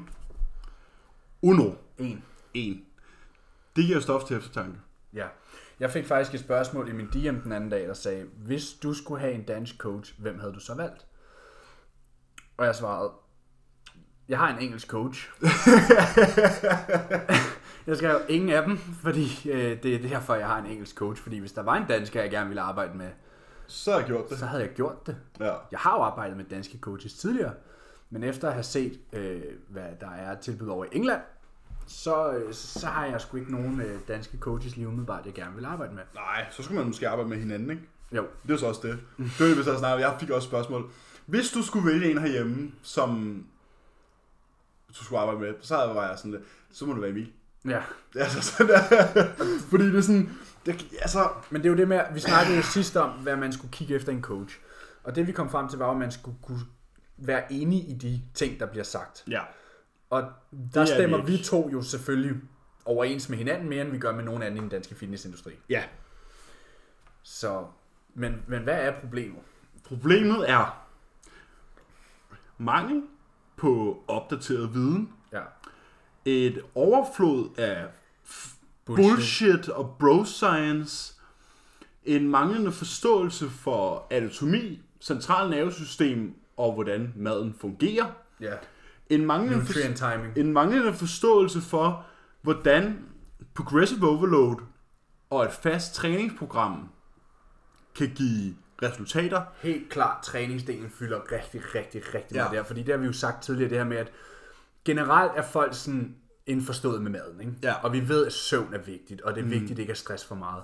Men træningsdelen i Danmark er virkelig negligeret. Ja, den der, I, vor, i, i, I vores optik. som vi har sagt tidligere, det der med, når folk siger, det er 80% mad og 20% træning. Mm-mm. Nej, det starter i Prøv her, træningscenteret. prøv at putte. Det er 100% træning, og det er 100% maden. Det er 100% restitution. Det er 100% alting. Det er ikke... Hvis du vil bygge muskelmasse, hvordan vil du så gøre det uden stimulering fra træning? Ja. Det starter i træningscenteret. Det, det, vi, vi bodybuilder, vi bygger vores krop. Nede i træningscenteret, der er det der, vi står med, med den store sten og hugger i den. Mm-hmm. Og så skal vi hjem med sandpapiret bagefter, og sandblæsen, og hvad fanden vi ellers skal, Ja. i køkkenet. Ja. Og så skal den hænge til tørre, når vi sover, ikke? Hvordan vil du være sikker på, at du sender signalet om muskelvækst, hvis du ikke gør noget nyt? Ja, og Noget ikke, mere. og ikke noget nyt i form af, at du laver tilfældig træning, og så den her uge laver du drop sets, næste uge laver du Godzilla sets, og så faster vi, og så kan vi fortsætte derudad, ikke? Ja, altså sådan mængden af det her med, og træningen skal bare være sjovt med, med. Ja, jeg kunne fri mig vel, selvfølgelig skal det Det være her sjovt. virker for mig. Ja, ja, prøv at høre her. Der er rigtig få ting, som virker for alle. Og det er sådan her, det er basics. Basics virker for alle. Hvis du har nogle øvelser, du kan lave smertefrit i nogle led, som du kan mærke i de muskler, du gerne vil træne, og som du putter mere vægt på over en given tid, så vokser du. Ja. Givet, at du selvfølgelig spiser mere. Jo, men ja, altså, du, du, altså hvis du løfter mere, så er du vokset. Ja. Du kan jo ikke, hvis du, kan, hvis du med en 10 ud af 10 intensitet kan bænkpresse 100 kilo 10 gange, og du om 4 måneder kan bænkpresse 100 kilo 15 gange, så har du mere muskelmasse i dit bryst, skulder og din triceps, end du havde, da du kunne bænke den 10 gange. Det er fucking logik. Det er fucking simpelt. Det er så, så simpelt. Bodybuilding er så simpelt. Det handler om progression. At du over tid løfter mere, du spiser mere, mere. og du har bedre restitution. Fordi når du bliver stærkere, så har du også brug for mere restitution. Ja. Du skal restituere mere fra en 200 kg dødløft, end du skal fra en 80 kg dødløft. Ja. Fordi det kan godt være, at vores muskler bliver stærkere det ene og det andet, og i vores nervesystem til en, vores centralnervesystem til, ja, det tilpasser sig, men slet ikke i samme grad som muskelmassen kunne, også det vi snakker om med ledene. Så du har brug for bedre restitution, efterhånden mm. som du også bliver stærkere. Så det vi synes, der er for meget af, det er tilfældig træning, Ja. bullshit og en eller anden mærkelig idé om, at alle har den her helt vanvittige individualitet, så alle har et eller andet magisk trick, der virker for dem. Ja. Og nu har coachen knækket koden til min krop og rend mig i røven. Ja. Hold nu kæft. Hold nu jeres fucking kæft, mand. Prøv at høre Det er er... koden til din krop. Ja. Ja, nu skal... Hvad? Du har to ben og to arme, mand. Kom nu bare derud af for helvede. ja, selvfølgelig er man individuel Ja. på mange måder. Bevares. Bevares. Og det er... Men kalorieunderskud er et fucking kalorieunderskud. Ja, og nutrient timing er nutrient timing. Og progressive overload er progressive overload. Det er det. Satellitceller er satellitceller. Kom nu videre. Der er ikke noget magisk over en eller anden form for kombination af superset og time under attention og det ene og det andet. Det handler om, har du placeret mere stress på din muskel, end du gjorde sidst? Er den blevet udsat for noget nyt? Nej, så vokser den ikke. Og så er jeg ligeglad, hvor meget du spiser, og ligeglad, hvor meget du sover. Hvis du ikke er udsat for noget nyt, Og, og en kæmpe en. Den her vanvittige idé om, at cheat meals er magiske. er magiske. Ja. Hold nu lige, jeg skal lige have en tår mere. Mm. Hold nu, Kai. Hold nu op noget fis. Ah, men nu har jeg fulgt min plan i 6 dage, så må jeg godt cheate. Siger hvem? Og hvad skulle det gavne dig? Kig nu på, hvad et fucking cheat meal er. Che- En cheat meal... Hvis du, hvis du nedbryder det. Ja, hvis du ser på, hvad et cheat meal er, så er det kalorier. Okay, fint nok. Du har spist... Ja, og det er typisk fedt og carbs, ikke? Ja. Du har spist... Lad os bare sige, at du har cheat meal hver femte dag. Og dit cheat meal er dobbelt op af din madindtag. Så du har spist 2.000 kalorier hver dag. På femte dagen femte spiser dag. du 4.000. Ja. Ja. Så du har fået 6 dages mad på 5 dage. Hvad skulle det gøre? Andet end at du kommer længere væk fra at nå en lean kropskomposition. Nej, det booster ikke din fucking forbrænding, at du får burger og fritter en aften. Nej. Nej. Det booster heller ikke, det giver dig heller ikke helt vildt mange gains, fordi Det booster ikke din forbrænding. Det det gør er, hvis du har været har fået flere kulhydrater den dag, end du plejer, så vil du selvfølgelig være lidt mere fyldt, end du plejer. Og har du fået mere fedt, end du plejer, vil du også være mere fyldt, end du plejer, fordi vi har også triglycerider i muskelcellerne, som også står for omkring 2% af vores muskelmasses fylde. Mm. Så du kan sige, hvis du har en, øh, altså hvis du har en bodybuilder, der vejer 100 kilo, og han har en muskelmasse på 80. ja, 80 kilo. 2% af det, hvad er det? Det er 1,6 kilo. 1,6 kilo. Så hvis han er helt fyldt til randen i muskelcellerne med triglycerider, så er det 1,6 kilo fylde i musklerne. Det er værd at tage med, når du skal op på scenen. Ja. Men i off-season, der burde din mad jo ligesom sørge for, at du var fyldt hele tiden. Ja. Du, du skal ikke have cheat meals. Lad være, generelt vil jeg forbande ordet cheat meal, Ja. for du snyder dig selv. Ja. Prøv høre, hvis det er i forbindelse med en prep, så er det et refeed, fordi mm. vi netop fylder de depoter op, der har været tømt. Og det er sådan noget, der er nødvendigt, når du er i form. Når du er i form, eller hvis øh, performance har brug for et boost. Ja. Og her kigger vi på noget, der kommer til at foregå et sted mellem 6 og 8 uger ude. Ja, Tidligst. ja for de fleste. Ikke 14. Medmindre man er Christoffer Bangsgaard. Ja. Ikke 14 dage ude, Men du eller har- 14 uger ude, hvor du skal ud og spise sushi hver eneste lørdag, fordi at, hey, jeg skal også have lov til at leve lidt. Prøv at høre her, kammerat. Ja, så kunne du, Du bare er- have lavet en to uger kortere prep. Ja, eller du kan bare lade være at vælge at være atlet. Ja. Pay your fucking dues. ja. Er det i off-season, så har du ikke brug for et refeed. Nej. Og cheat meals, jeg kan bare ikke lide ordet, fordi sådan, at jeg snyder min diæt. Det er ligesom, og det, det opbygger ligesom sådan en stigma af, at det forgylder det her øjeblik, og du går og ser frem til, at du planlægger hele ugen, hvor meget du skal spise, og det ene og det andet, i stedet for bare at have det i forbindelse med noget socialt. Mm. At du skal hjem og spise ved de gamle. Ja, prøv at, hvis det er hovedet, der har brug for en pause, så tag et off-plan meal. Ja. Off-plan meal. off-season. Ja. Off-plan meals i off-season. ja. Ingen on-plan i on-season. Nej, ingen off-plan meals i on-season. Nej, præcis. Vi skal ikke have off-plan meals i prep, der har vi refeeds. Ja, når det er nødvendigt. Ja. Og derudover, så er et refeed også noget, der foregår hen over en 24-48 timers periode. Ja, nej, det er opregulering af Det er metabolismen. opregulering. Så det vil sige, at du skal feedes kontinuerligt. Hvis du, målet med den her opregulering, det er, at vi opregulerer leptin, mm. som står for vores forbrænding. Kan øge vores forbrænding ved at øh, spise mere over en given periode. Men det sker altså ikke ved et måltid, det her med, og jeg har set nogle gange, om vi skal booste min forbrænding, så har jeg fået 50 gram havregryn mere i dag. Ja. Der har jeg lyst til at, at tage mine øjne ud med en fucking spiseske, Ja. når jeg ser det der. Kæft, det går ondt i øjnene at se sådan noget. Ja, der er absolut, der er manglen på videnskab bag metode er blevet forvasket af erfaring over, hvad man har gjort i så mange år. Og se nu bare på det. Nu har bodybuilding været stort herhjemme i 40 år. Hvor mange internationale pro bodybuildere har der været herhjemme? Absolutely fucking no one. Præcis. Så måske man skulle til at tænke lidt over, hvordan tingene bliver gjort på den danske façon. Ja. Ja, vi har et dansk bodybuilding pro card. Patrick Johnson. Ja. Bevares. Jeg ved, Patrick Johnson han træner, som vi vil gøre det. Ja. Jeg ved, han spiser som fucking okse, og nok ikke har særlig mange cheat meals. Ja. Han gør noget anderledes end alle de andre, og han er sjov nok den eneste, der er professionel. Det kan man jo tænke lidt over. I bodybuilding I klassen. bodybuilding-klassen. Og man kan jo sige, ja, men så kan man snakke om alle de andre klasser. Ja, ja, men hvis du nu ser på aspektet, så er det jo Open BB, Open der tæller. Det er, det er klassen. Det er klasse. Og der er jo ingen af os, der stiller op i den. Nej, nej. Men det er jo også, når man skal se Olympia, hvor, hvad er hovedbegivenheden? Det er Open. Det er open Men's bodybuilding. Men's Open. Hvem? Alle kender Arnold Schwarzenegger, ikke? Jo, jo. Alle, kender, Phil Kai Green, Phil Heath, Ronnie, Ronnie Coleman, Coleman. Dorian Yates. Ja, det er de gutter, du kender. Ja. Der. Ja, så er der nogen, der kender Jeremy Buendia og sådan noget, ikke? Men Ja, altså, ja. come on. Ja, Den var rigtig god, den der med, kig nu på, hvor mange gode danske atleter, der har været. ja. Fordi det er sådan, måske vi skulle til at gøre noget anderledes. Ja. Hvorfor er det, man ikke ser en adductor-maskine i alle centrene herhjemme?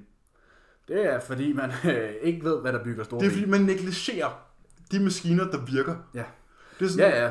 Altså bare generelt udvalget af maskineri herhjemme er generelt lort. ja. Men det har vi jo nok snart en løsning på. Ja, det, det skal der arbejdes på. Ja. Det er noget, nogle fremtidsplaner. Ja, men, men altså, se nu på, hvad det er, vi- der sker herhjemme, kontra hvad det er, der sker i udlandet. Hvorfor er det, at procentdelen af professionelle atleter i udlandet er højere end herhjemme? Ja. Det er nok, fordi vi gør tingene på vores egen lille danske fasong. Hvis vi nu bare kigger over til England. Nu er vi jo store fans af England, men det er Ja. også en grund til. Vi er en smule biased, Hvis men vi det nu- er med god grund. Hvis vi nu kigger på de dygtigste coaches i England.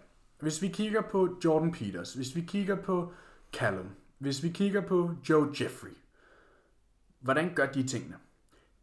De gør tingene på en meget ens måde. Ja. Altså, det er ikke, der er ikke meget difference mellem. De går ind for de samme principper. Hvor hvis du kigger herhjemme, hvis vi kigger på, hvem der er top coaches i Danmark, det bliver lige sat i sådan situationstegn her der varierer det sgu egentlig rigtig meget. Ikke? Det her med, det er totalt individuelt, øh, hvad, hvad det er, der fungerer, og det ene og det andet. Mm. Og ham herover har den ene magiske protokol, og ham herover har den anden magiske protokol, og ham her kører de her type Godzilla-sets, og det ene og det andet. I stedet for, at vi kiggede igen over på den anden side af, Søen. af søen, Ja, eller bare kigget bare, bare uden for grænsen, ikke en eller anden retning. Ja. Bare, en eller anden, bare en eller anden retning, hvor der sker noget, der ikke sker hjemme. Men især sådan der, kig lige på, på de engelske pro-bodybuildere, ikke? Mm. Igen, bodybuildere. Kig på Luke Sando, Luke Sando, Jamie Johal, James Hollingshead, Kuba, øh, Nathan Diasha. Kig på de fyre. De træner alle sammen ens. De, De spiser træner- alle sammen ens. De Der- træner alle sammen med fokus på progressive overload, røv meget mad og vold meget restitution. Ja.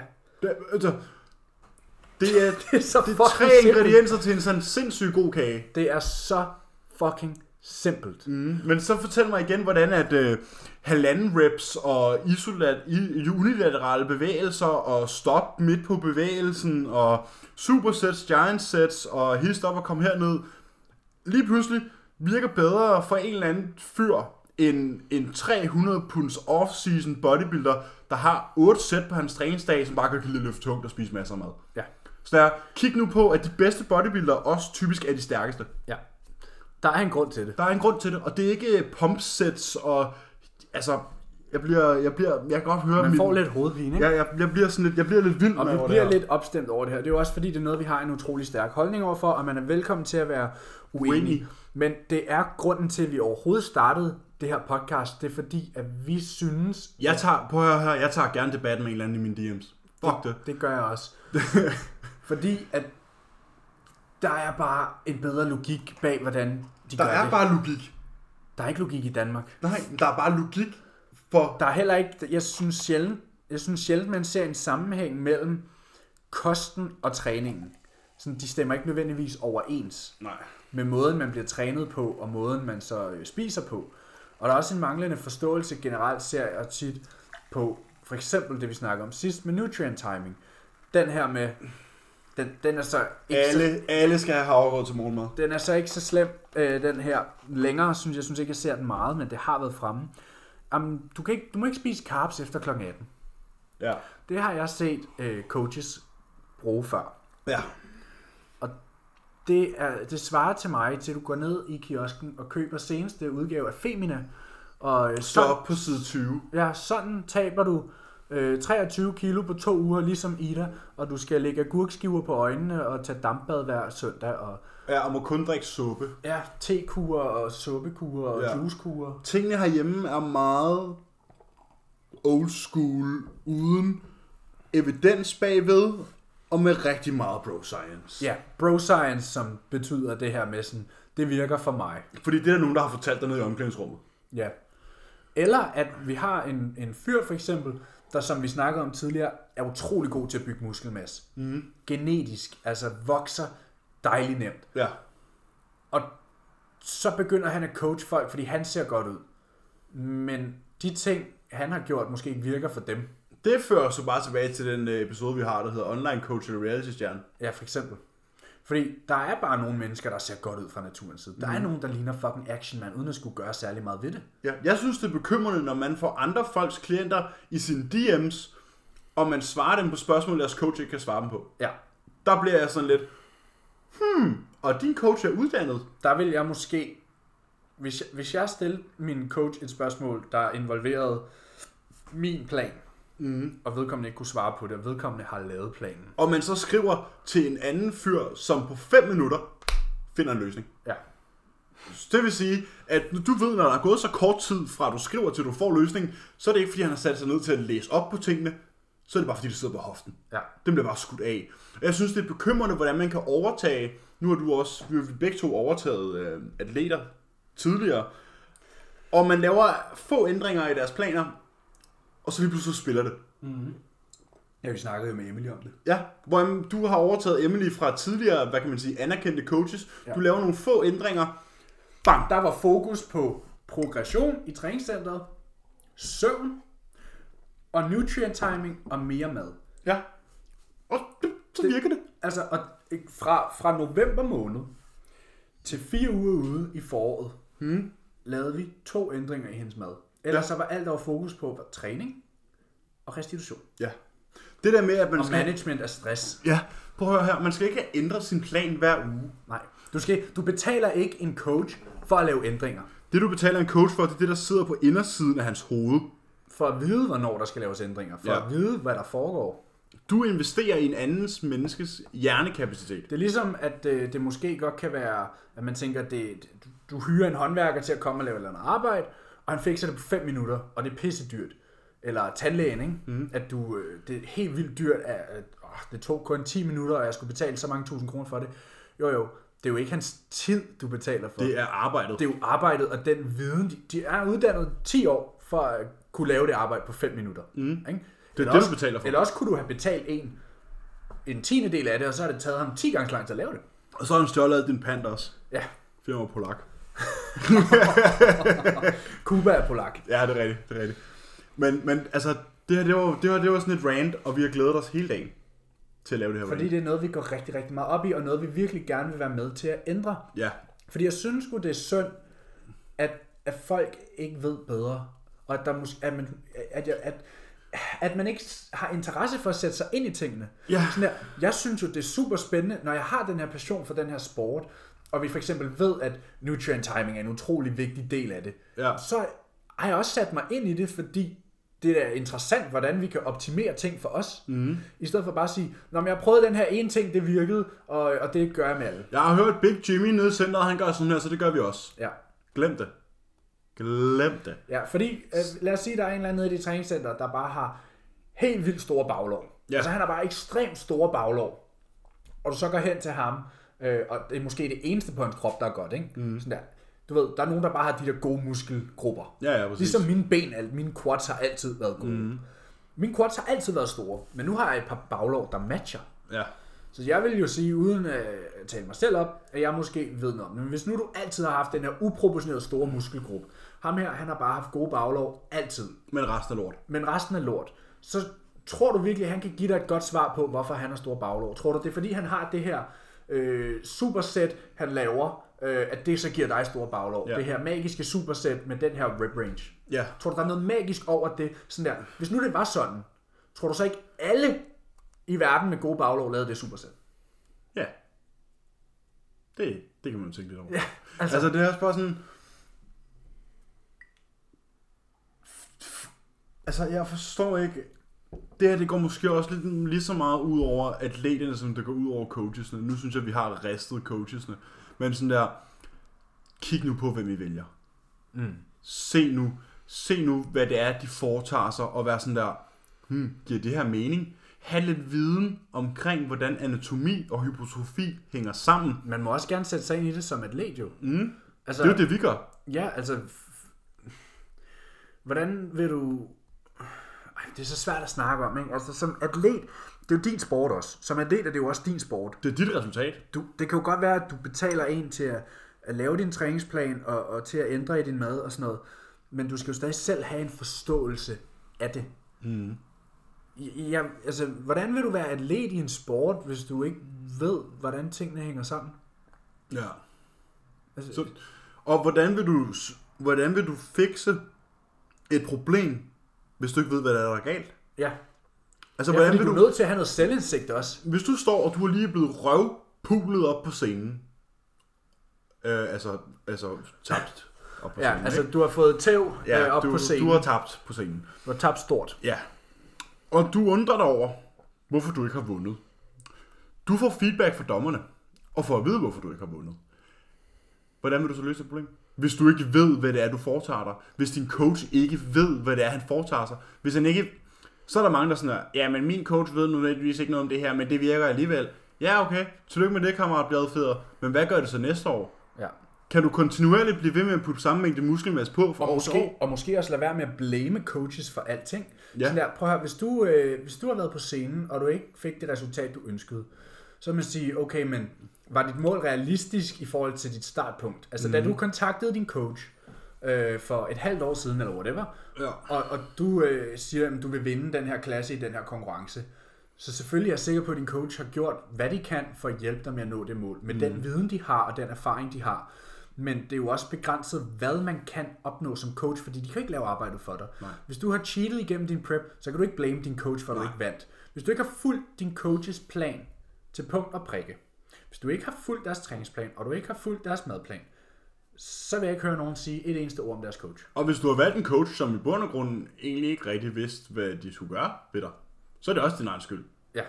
Så er det igen selv- tilbage til det, vi lige har snakket om med, at folk ikke, ikke Sætter, altid... ikke sætter sig ind i tingene. Ja, så hvis du har valgt en coach, der ikke selv sig ind i tingene, gæt hvem der står med lorten. Altså, jeg ved da godt, at jeg læser lidt om en restaurants anmeldelse, inden jeg sætter mig ind og spiser på den. Ja, Eller at jeg øh, går ikke bare ned i biografen og peger på en tilfældig film for at se den. nej. Sådan der. Eller hvis jeg skulle... Øh, ja, altså hvis jeg skulle til tandlægen, Mm. så ville jeg sgu da nok også lige undersøge anmeldelserne, eller høre en kammerat, øh, hvad de har af anbefalinger. Sådan der. Ligesom I vil gøre med alt andet. Ja. Og jeg kan ikke forstå, hvordan det ikke kan være til at forstå. Hvis jeg skal helt ærlig. Det er som om, det er som om, at dansk fitnessindustri er baseret udelukkende på bro science Og gimmicks. og gimmicks, og at folk ligesom bare ikke ser logisk på tingene.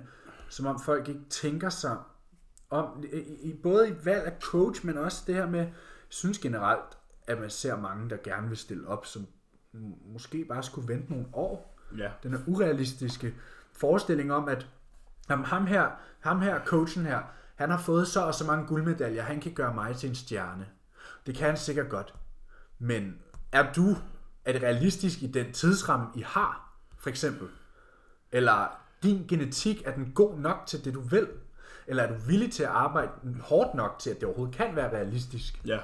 Fordi i sidste ende, som vi har snakket om, i sidste ende kan alle træningsformer virke. Alle kostplaner kan virke. Al træning Der er jo en grund til, at, at der alligevel er en form for resultater i dansk fitnessindustri. Ikke? Ja. Men når vi sammenligner med andre steder, hvorfor er det, vi ikke har haft nogle danske professionelle atleter, der har klaret sig godt? Hvorfor har vi ikke haft nogen på Olympiascenen? Ja, præcis. Altså, det, det er jo sådan nogle ting, man, man skal kigge lidt på, og så måske overveje, men det kan være den generelle danske Jeg tror ikke engang, jeg tilgang. kan ikke engang tænke på en dansk pro-atlet fra nogen klasse, der er nået top 10. I Og nogle af bikinitøserne og Mathias Hall har også. Nå ja, Mathias Hall crackede top 10 der, ja, det er Ja. rigtigt. Men igen sådan der, sammenlignet med andre lande. Det er sådan... Ja, ratioen af bebygget indtal til pro-atlet, der klarer sig godt, er skræmmende. Ja, det er det virkelig. Øh, og det kan man så også lige tænke lidt over. Og, det, og jeg tror måske også bare, at nu er vi kommet af, jeg kan mærke, at jeg er blevet helt let hen over skuldrene. Ja, vi har Fordi- løsnet lidt op nu. Ja, fordi vi har lige virkelig vil løsne. Fordi det her, det er sådan noget, det er, jo- det er sådan nogle ting, vi bliver... Det her, det er jo den slags opslag og historier, vi sender til hinanden privat i vores DM's på daglig basis. ja. Når der er en eller anden ny tosse, der har foreslået et eller andet magisk program. Prøv at høre, der er ikke noget, der er magisk. Det er meget simpelt. Det er super simpelt. Hvis du kigger på det, så er bodybuilding den mest monotone Ja. og gentagende kedelige. kedelige sport i hele verden. Og det, der er simpelt, det virker. Men det, der er sexy, Det, det, er desværre, det er desværre det, der sælger. Det er det, der sælger. Og, og så kan man sige, så kan man sige, ja, men Emil og Emil, de er mega biased med det her low volume og progressive overload og sådan noget. Nej, nej, nej, nej. Det vi siger, det er, al træning fungerer, men du bliver nødt til at træne hårdere.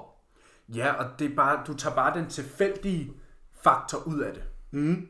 I stedet for, at det er tilfældigt, om jeg laver, lad os sige, du laver tilfældig træning. Og på de 52 uger på et år, så havde du øh, 37 uger med progression. Men det var tilfældigt, om du havde progression. Mm. I stedet for, hvis du nu trænede en logbog og sikrede dig, at du lavede de samme workouts gentagende gange, og du prøvede at forbedre dem, kunne du måske have haft 10 uger mere med progression Ja. hen over et år. Mm. Det er jo meget, en stor procentdel. Ja. Vi, vi vil jo gerne gøre Det er ting, en halvdel af den vi off-season. vil jo gerne gøre ting så lidt tilfældigt som muligt. Jo ja. flere ting, vi kan kontrollere, jo bedre. Fordi det er jo heller ikke, som vi også sagde tidligere, det er jo ikke tilfældigt, hvad du spiser. Så Nej. hvorfor skulle det være tilfældigt, hvad du træner? Ja. Og det selvfølgelig, kan man godt træne med høj volumen og stadig lokke sine ting, og så kan man træne med rier, og man kan alle de her ting. Men så længe det ikke er tilfældigt. Hvis det er tilfældigt, så ved du ikke, hvad der virker. Nej. Fordi selvom du træner med reps and reserve, men det ikke er tilfældigt, så kan du stadig pinpointe, hvor du kan, Ja. hvad det er, der virker. Så har du minicycles og mesocycles, og, mm. altså, hvor det også er planlagt.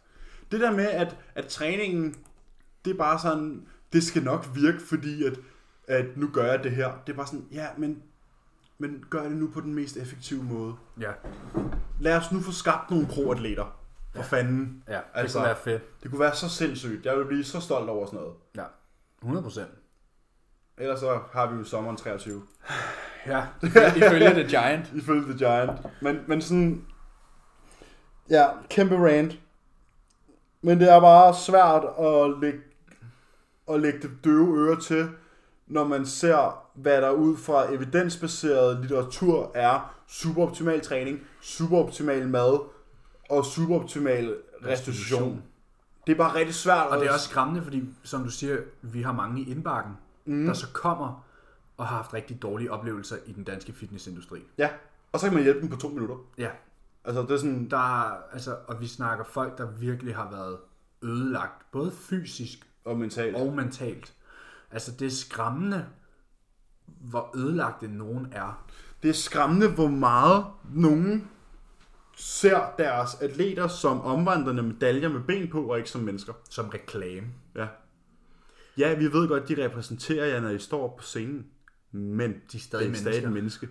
Det er stadig et menneske, der har organer, der skal fungere. Men nu ved vi selvfølgelig godt, at mennesker vinder ikke shows, det går robotter, men, Det gør robotter jo. men, men det er så en anden ting. Men en robot skal også smøres, og skal også kunne fungere, ikke? Præcis, og den skal programmeres ordentligt. Det skal den. Jeg tror ikke, der var mere til den. Jeg tror... øh, Og igen, det, det, vi er ikke ude på at blive uvenner med nogen. Nej. Det her er vores holdning, Det er vores podcast. og det er vores podcast, så vi siger vores holdning. Og vi siger kun de her ting, fordi vi legit har en, en oprigtig interesse i at hjælpe folk. Ja. I at passe på deres helbred og nå deres mål hurtigere, sundere og på en federe måde. Som vi også selv sagde sidste uge, der er ikke noget federe end en check-in-dag, hvor du kun får gode check-ins. Præcis. Det er det bedste, vi ved. Og vi elsker det, og vi elsker at hjælpe andre mennesker, og derfor har vi også bare, er vi bare nødt til nogle gange at lukke op for lorteposen, og så lade det flyde. Og generelt ikke, behøver det ikke være min klient. Jeg synes, det er fedt at se andres progression. Ja. Og det sgu lige meget, hvad for en coach de har. Det kan være, at de har en coach, som jeg synes er, er et fjols. Øhm, men derfor er det jo stadig fedt, hvis de har lavet fremskridt. Ja, Men, men det, det, der er bare et overflod af ødelagte mennesker. en overflod af ja, bare superoptimale ting. Ja. Så det er ikke for at sælge os selv på nogen måde. Nej. Det er det sgu ikke. Det er oprigtig interesse i, at vi gerne vil gøre dansk fitness bedre. Ja. Det var derfor, vi startede Vi podcast. vil gerne på, vi vil gerne på verdenskortet. Det vil Ikke vi. nødvendigvis, men altså, Ikke, ikke, vi, ikke vi, os, men Danmark. Danmark skal på verdenskortet. Vi skal, og, være bag, vi skal ikke være så bagud i forhold til evidensbaserede ting, der virker. Nej, det, øh, man kan godt blive sådan lidt frustreret. Og, og som jeg også sagde lige før, det her, vi siger jo kun det her, fordi det er noget, vi bliver så indebrændt over hver dag. Ja. Hver dag. Vi ser Q&A's med vanvittigt lortesvar på basale spørgsmål. spørgsmål. Vi ser underlige magiske træningsteknikker, som kun bliver kørt én træning ad gangen. Vi ser underlige øvelser, hvor man lige pludselig skal lave 100 gentagelser uden vægt på. Altså, det... Nu sidder jeg her og nærmest og folder min... Altså sådan... Din dåse. Altså, Man krummer helt tær. ja, men jeg sidder og krummer tær, og det er sådan... Lad nu være. For fanden. Ja. Gør det nu Man ordentligt. bliver træt. Gør det nu ordentligt.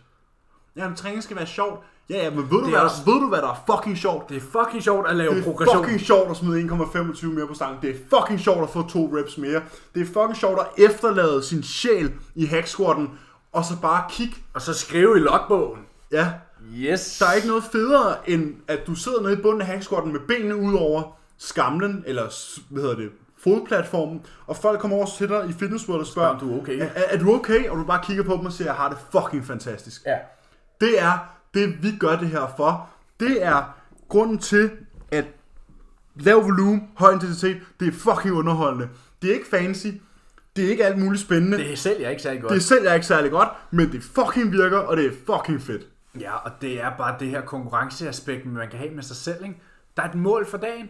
Mm. Du ved sådan der, at det bliver en kamp med hack squatten. At Tag, put- at tag put- en ære i din træningssession. Ja.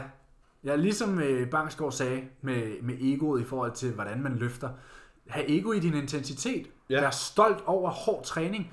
Fordi hvis du træner til failure hver gang, så løber du ind i nogle hårde sessions. Du løber ind, du når en dag, en dag, hvor du kigger i logbogen, Og du tænker, fuck. og du tænker, holy shit, Ja. jeg er nødt til at give alt, hvad jeg har, hvis jeg skal have nogen som helst chance, Og det, for at kunne skrive et plus i logbogen. that's the thrill. Det er der, det bliver fedt. Det, og jeg, Ej, jeg, vi jeg, bliver jeg, jeg, næsten helt adrenalin nu. Det der, når man, når man sætter den sidste plade på, inden sættet, Og man tager headsettet på. ja, man finder man- den rigtige sang, og man sætter sig til rette i sædet. Ja, ikke engang. Måske lige, jeg, jeg, jeg har den der med sådan der, jeg er altid lige, jeg sætter, sætter musikken på, lægger telefonen væk, mm. stiller mig med armene i siden i superheltepositionen, Ja. og så står jeg og kigger på maskinen. Så, kigger man på vægten. så kigger jeg på maskinen, og jeg kigger på vægten, og så er jeg sådan der, nu, Så bygger man op, det er fucking nu, sådan der. bygger man op. Og så efterlader du bare Alt. råb og stup. Alt, hvad du har. Alt, sådan der. Om du skal spottes på de to sidste reps, alt, hvad du overhovedet kan af levere, Ja. det leverer du. Og det er så meget federe at gå i seng om aftenen efter sådan en dag. Ja, hvis du altså overhovedet kan sove, fordi dit, dit centrale nervesystem er så fucked, fordi du har trænet så hårdt. Men det kan du jo, fordi du har sørget for, at du har fået mad de rigtige tidspunkter, du har fået de rigtige kosttilskud de rigtige tidspunkter, og du har behandlet din søvnrutine, som du skal. Jeg vil sige, at efter en hård bendag, kan jeg stadig godt svært ved at falde i søvn. Men det var for at sige, det skal man helst ikke have. Det skal man helst ikke have. Men det kan godt ske. Det kan godt ske. Og så får jeg lige at ændre tonen en gang. Har vi flere? Ja, jeg har Nå, faktisk et okay. spørgsmål mere. Det er dyret, for helvede. Dyret. Dyret, mand. The animal. The manimal. Han har spurgt, om vi har en guilty pleasure. Hvad fanden betyder en guilty En guilty, jeg tror en guilty pleasure. Jeg googler det. Kan du ikke lige google en guilty pleasure? Google en gu- guilty pleasure? Jeg tror, det har noget med at spise noget snask at gøre, så det er også sådan lidt, jeg ved ikke engang, hvad en guilty pleasure er. Nej, jeg er sådan... Something such as a film, television program, or piece of music that one enjoys despite feeling that is not generally held in high regard. Altså, Så jeg, noget, som andre måske ikke priser som særlig fantastisk, som vi priser fantastisk. altså, nu har jeg lige haft et ride. Jeg har set Papirhuset. Ja. Papesca de la Casa på Netflix. Ja. Det er en af de sygeste serier, jeg har set nogensinde. Den er vanvittig. Mm, Er det en guilty pleasure? Nej, det er nok ikke. Øhm, jeg ved Det er noget, du nyder. Something that you enjoy despite feeling that it's not generally held in high regard. Noget, jeg nyder Noget, mere du end andre. nyder, som andre måske sådan, hvad er der fedt ved det? Og Der vil jeg sige, øh, Madlavning og indkøb. en, øh, altså, en af mit ultimative gode off-plan meals, det er, når jeg bare må lave en skål havregrød, uden at måle, hvor mange fucking havregryn der er i, og så put smør, sødmælk, salt, Nutella, chokolade og peanut butter og marmelade i. Det er nok en af mine guilty pleasures. jeg ved sgu ikke, om jeg har... Hvad fuck, mand? Guilty pleasure. Fordi jeg ved, Jeg at aner det. alle andre tænker, havregrød... Og kan jeg ikke lige få lov til sidst? Jo. Tak. Fordi at jeg ved, mange andre tænker, fordi det har jeg blevet fortalt mange gange, havregrød med Nutella, altså hvad fuck. Men øh, det er altså noget, jeg er blevet serveret hele mit liv, indtil jeg begyndte på kostplan som 16 år. Der tror jeg næsten, at øh, pff, 95 ud af 100 dage, der spiste jeg havregrød med sukker, smør og Nutella, eller pålægtschokolade, eller knækket påskeæg, eller whatever, ned i min havregrød hver morgen. Jeg elsker det. Og det er det bedste. Jeg ved ikke, øh, jeg tror sgu ikke rigtig, jeg har nogen sådan der guilty pleasure. Altså, måske udover, i, måske udover i soveværelset. Men Ja, Ja, Det kan vi også snakke om. Det, det er op til dig. det tror jeg ikke, vi behøver at snakke om. Der bliver i hvert fald spist op. Øhm, Ja. Hvad med, hvad med en deep pan? Jeg ved, du var glad for deep ja, men det er jo ikke sådan en ting, som andre ser Nej, som det er selvfølgelig værende rigtigt. unormalt. Det er selvfølgelig rigtigt. Øhm, Ja, det var altså ikke en brud, det var bare mig, der sad og drejede glasset. Ja, ja. Mm. Hvorfor lugter der sådan nu? Det er fra en, jeg slog tidligere. Nå, okay. Sidder og bærer dem. Jeg ved sgu ikke rigtigt, om jeg har sådan der en, øhm, en guilty pleasure. Det, er- det er fandme svært, fordi jeg har ikke rigtig noget, som sådan der, jeg gør, jeg gør ikke rigtig noget sådan noget specielt. Man kan sige, den generelle befolkning kigger nok på meget af det, vi gør, og tænker, hvad er der fedt ved det? Vi ved sådan der, det er fucking fedt bare at sidde fredag aften, og have spist sine måltider, og have sine blue light blockers på, og bare vide sådan der, Ja, "Øj, min, min, guilty søvn." pleasure, min guilty pleasure er nok Perfect Days. Ja, Sådan der, det er det nok. Og det er desværre en af de ting, som der ikke bliver set som en værende normal ting. Mhm. Ja, Du har ikke andet, du har ikke noget mad, noget der... nah, emotionally detached. du. Ja, men du har vel et eller andet, du synes er froderen. Jeg har mange ting, jeg synes er frode. Ja, men det skal være noget, som andre ikke sådan... Ja, og det er jo det, fordi jeg har sådan, der er sgu rimelig, der er sådan en white basic bitch. Du ved, jeg kan bare godt lide en god burger, ikke? men det kan de fleste jo. Altså Ja. sådan, men det et, kan jeg et også. godt glas rødvin og en god bøf, ikke? Ja, ja, jeg vil sige, jeg- har tit mødt modstand på den havregrød der. Så det Jamen, jeg synes også, at din havregrød er et fucking freak show. Ja. Ja. ja. Men altså, jeg, jeg har sgu ikke rigtig nogen guilty pleasure. I forhold til mad, i hvert fald. Nej. Ja, min havregrød er helt sikkert. Men jeg kan ikke tænke på andre ting sådan lige umiddelbart, som, øh, som folk øh, måske ville synes var små underlige. Du synes, det er underligt at spise sennep og Nutella og mango. Ja. jeg har sgu ikke... Øh... Nej, Nej, jeg har sgu ikke nogen guilty pleasure. Nej. Jeg tror heller ikke... Vi havde faktisk et spørgsmål mere. Ja. Det bliver faktisk verdens længste Q&A, vi har i dag. Jamen, kom med den. Øhm, jeg skal lige finde den. Den ligger inde i mine anmodninger. Famous. Hun skrev, Hej Emil, jeg gad rigtig godt at høre jeres råd til, hvordan I vil spise samt træne op til en hård fysisk optagelsesprøve. I mit eget tilfælde har jeg været i kalorieunderskud i et par måneder eller seks. Jeg kan selvfølgelig godt Et gennemføre... par måneder eller seks. Ja, det er et sted mellem 1 og 6 måneder. Det er jeg kan nemlig jeg kan selvfølgelig godt gennemføre prøven nu, men jeg gad godt høre jeres råd til, hvordan jeg især gennem kosten kan optimere mine chancer for, at kroppen er springfyldt med energi på selve dagen. Og om det er ugen før, dagen før, eller hvornår I vil starte med at fylde lidt mere mad på, og hvilken slags. Ellers så bare tak for en lærerig og sjov podcast.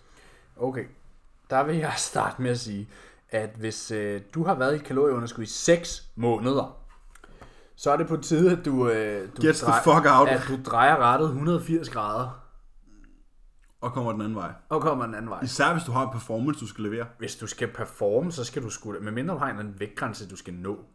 Det har du nok ikke. Jeg kunne forestille mig, det var Det- noget optagelsesprøve, noget politi eller noget eller andet andet, fordi det er på den her tid af året, ikke? Ja. Øh, du skal i et kalorieunderskud hurtigst muligt. Overskud, hurtigst muligt. Hvad sagde jeg? Underskud. Ja, kalorieoverskud hurtigst muligt. Eller i hvert fald maintenance, ikke? Det er kun sket et overskud. Ja. Hvis du har været i kalorieunderskud i 6 måneder, bro. Så skulle man næsten tro, du skulle stille op til bikini fitness om tre måneder. ja. Og så har du været underskud i ni ja, måneder. ja, det, er, det har jeg desværre hørt om før. Nogen har været i kalorieunderskud i 9 måneder. Det er jo fuldstændig vanvittigt. Dansk fitnessindustri. Ja, dansk fitnessindustri. Halle- Halleluja. øhm, ja, kalorieoverskud. Helt klart. Skru op for fedt, skru op for kulhydrat. Gå ud fra, at du spiser nok protein i forhånd. Hvis du ikke gør det, start der. Ja. Du vil, kan roligt, helt sikkert, bombe dine kalorier op 20-30 procent. Ja, det regnede vi til ville være en 300-400 kalorier, ikke? Jo, det må vi gå ud fra. Altså, jeg tænker, hvis du har været i kalorieunderskud i 6 måneder. Ja. Du, altså på et tidspunkt, hvis du er i et kalorie... Lad os sige, du, du spiser på dit vedligeholdelses. Og så går du i et kalorieunderskud. Du fjerner 300 kalorier. Så vil du få et nyt vedligeholdelsindtag. Over noget tid vil det kalorieindtag så være dit nye vedligeholdelses. Så hvis du har været i et kalorieunderskud i 6 måneder, Så har du gradvist så har du taget gradvist flere. taget mad ned Ja. i et halvt år. Så du kan nok med rigtig meget ro i sjælen skrue op Ja. ret meget, ret Ja. hurtigt. Præcis. Øh, ja, men man kan jo sige, hvis vi nu ser på det fra et sundhedsmæssigt standpunkt, så må vi jo forvente, at lytteren har hørt efter. Ja. Ikke forvente, håbe. At lytteren har hørt efter, og at hendes øh, helbredsmæssige mængde af fedt og protein er dækket. Ja. ja. Så vi kigger måske på en pige, der vejer, nu vil jeg jo, lad os aldrig snakke om kvindesvægt. Men lad os bare sige, at udgangspunkt er hun vejer 60 kilo. 60 kilo, ja. Ja. Så hun skal minimum have 36 gram fedt Ja, direkte. ja, direkte fedt. Yes. Og hun skal have cirka 120... Når hun skal performe i hvert fald, så skal ja. hun nok have 120 gram protein fra direkte kilder minimum. Ja, præcis. Okay, så har vi det. Så siger vi 400 kalorier. Hmm. Så kunne man jo tilføje 80 gram carbs, 10 gram fedt. Ja, for eksempel. Så er vi godt med. Så vil jeg selvfølgelig lægge carbsene Omkring det omkring tidspunkt, hvor det du skal tidspunkt, hvor performe. hun skal performe på. Og hvis vi nu snakker om det her med at karpe op til den her optagelsesprøve, så vil man jo bare tilføje maden i løbet af dagene. Altså, nu ved jeg ikke, hvor lang tid der er til prøven.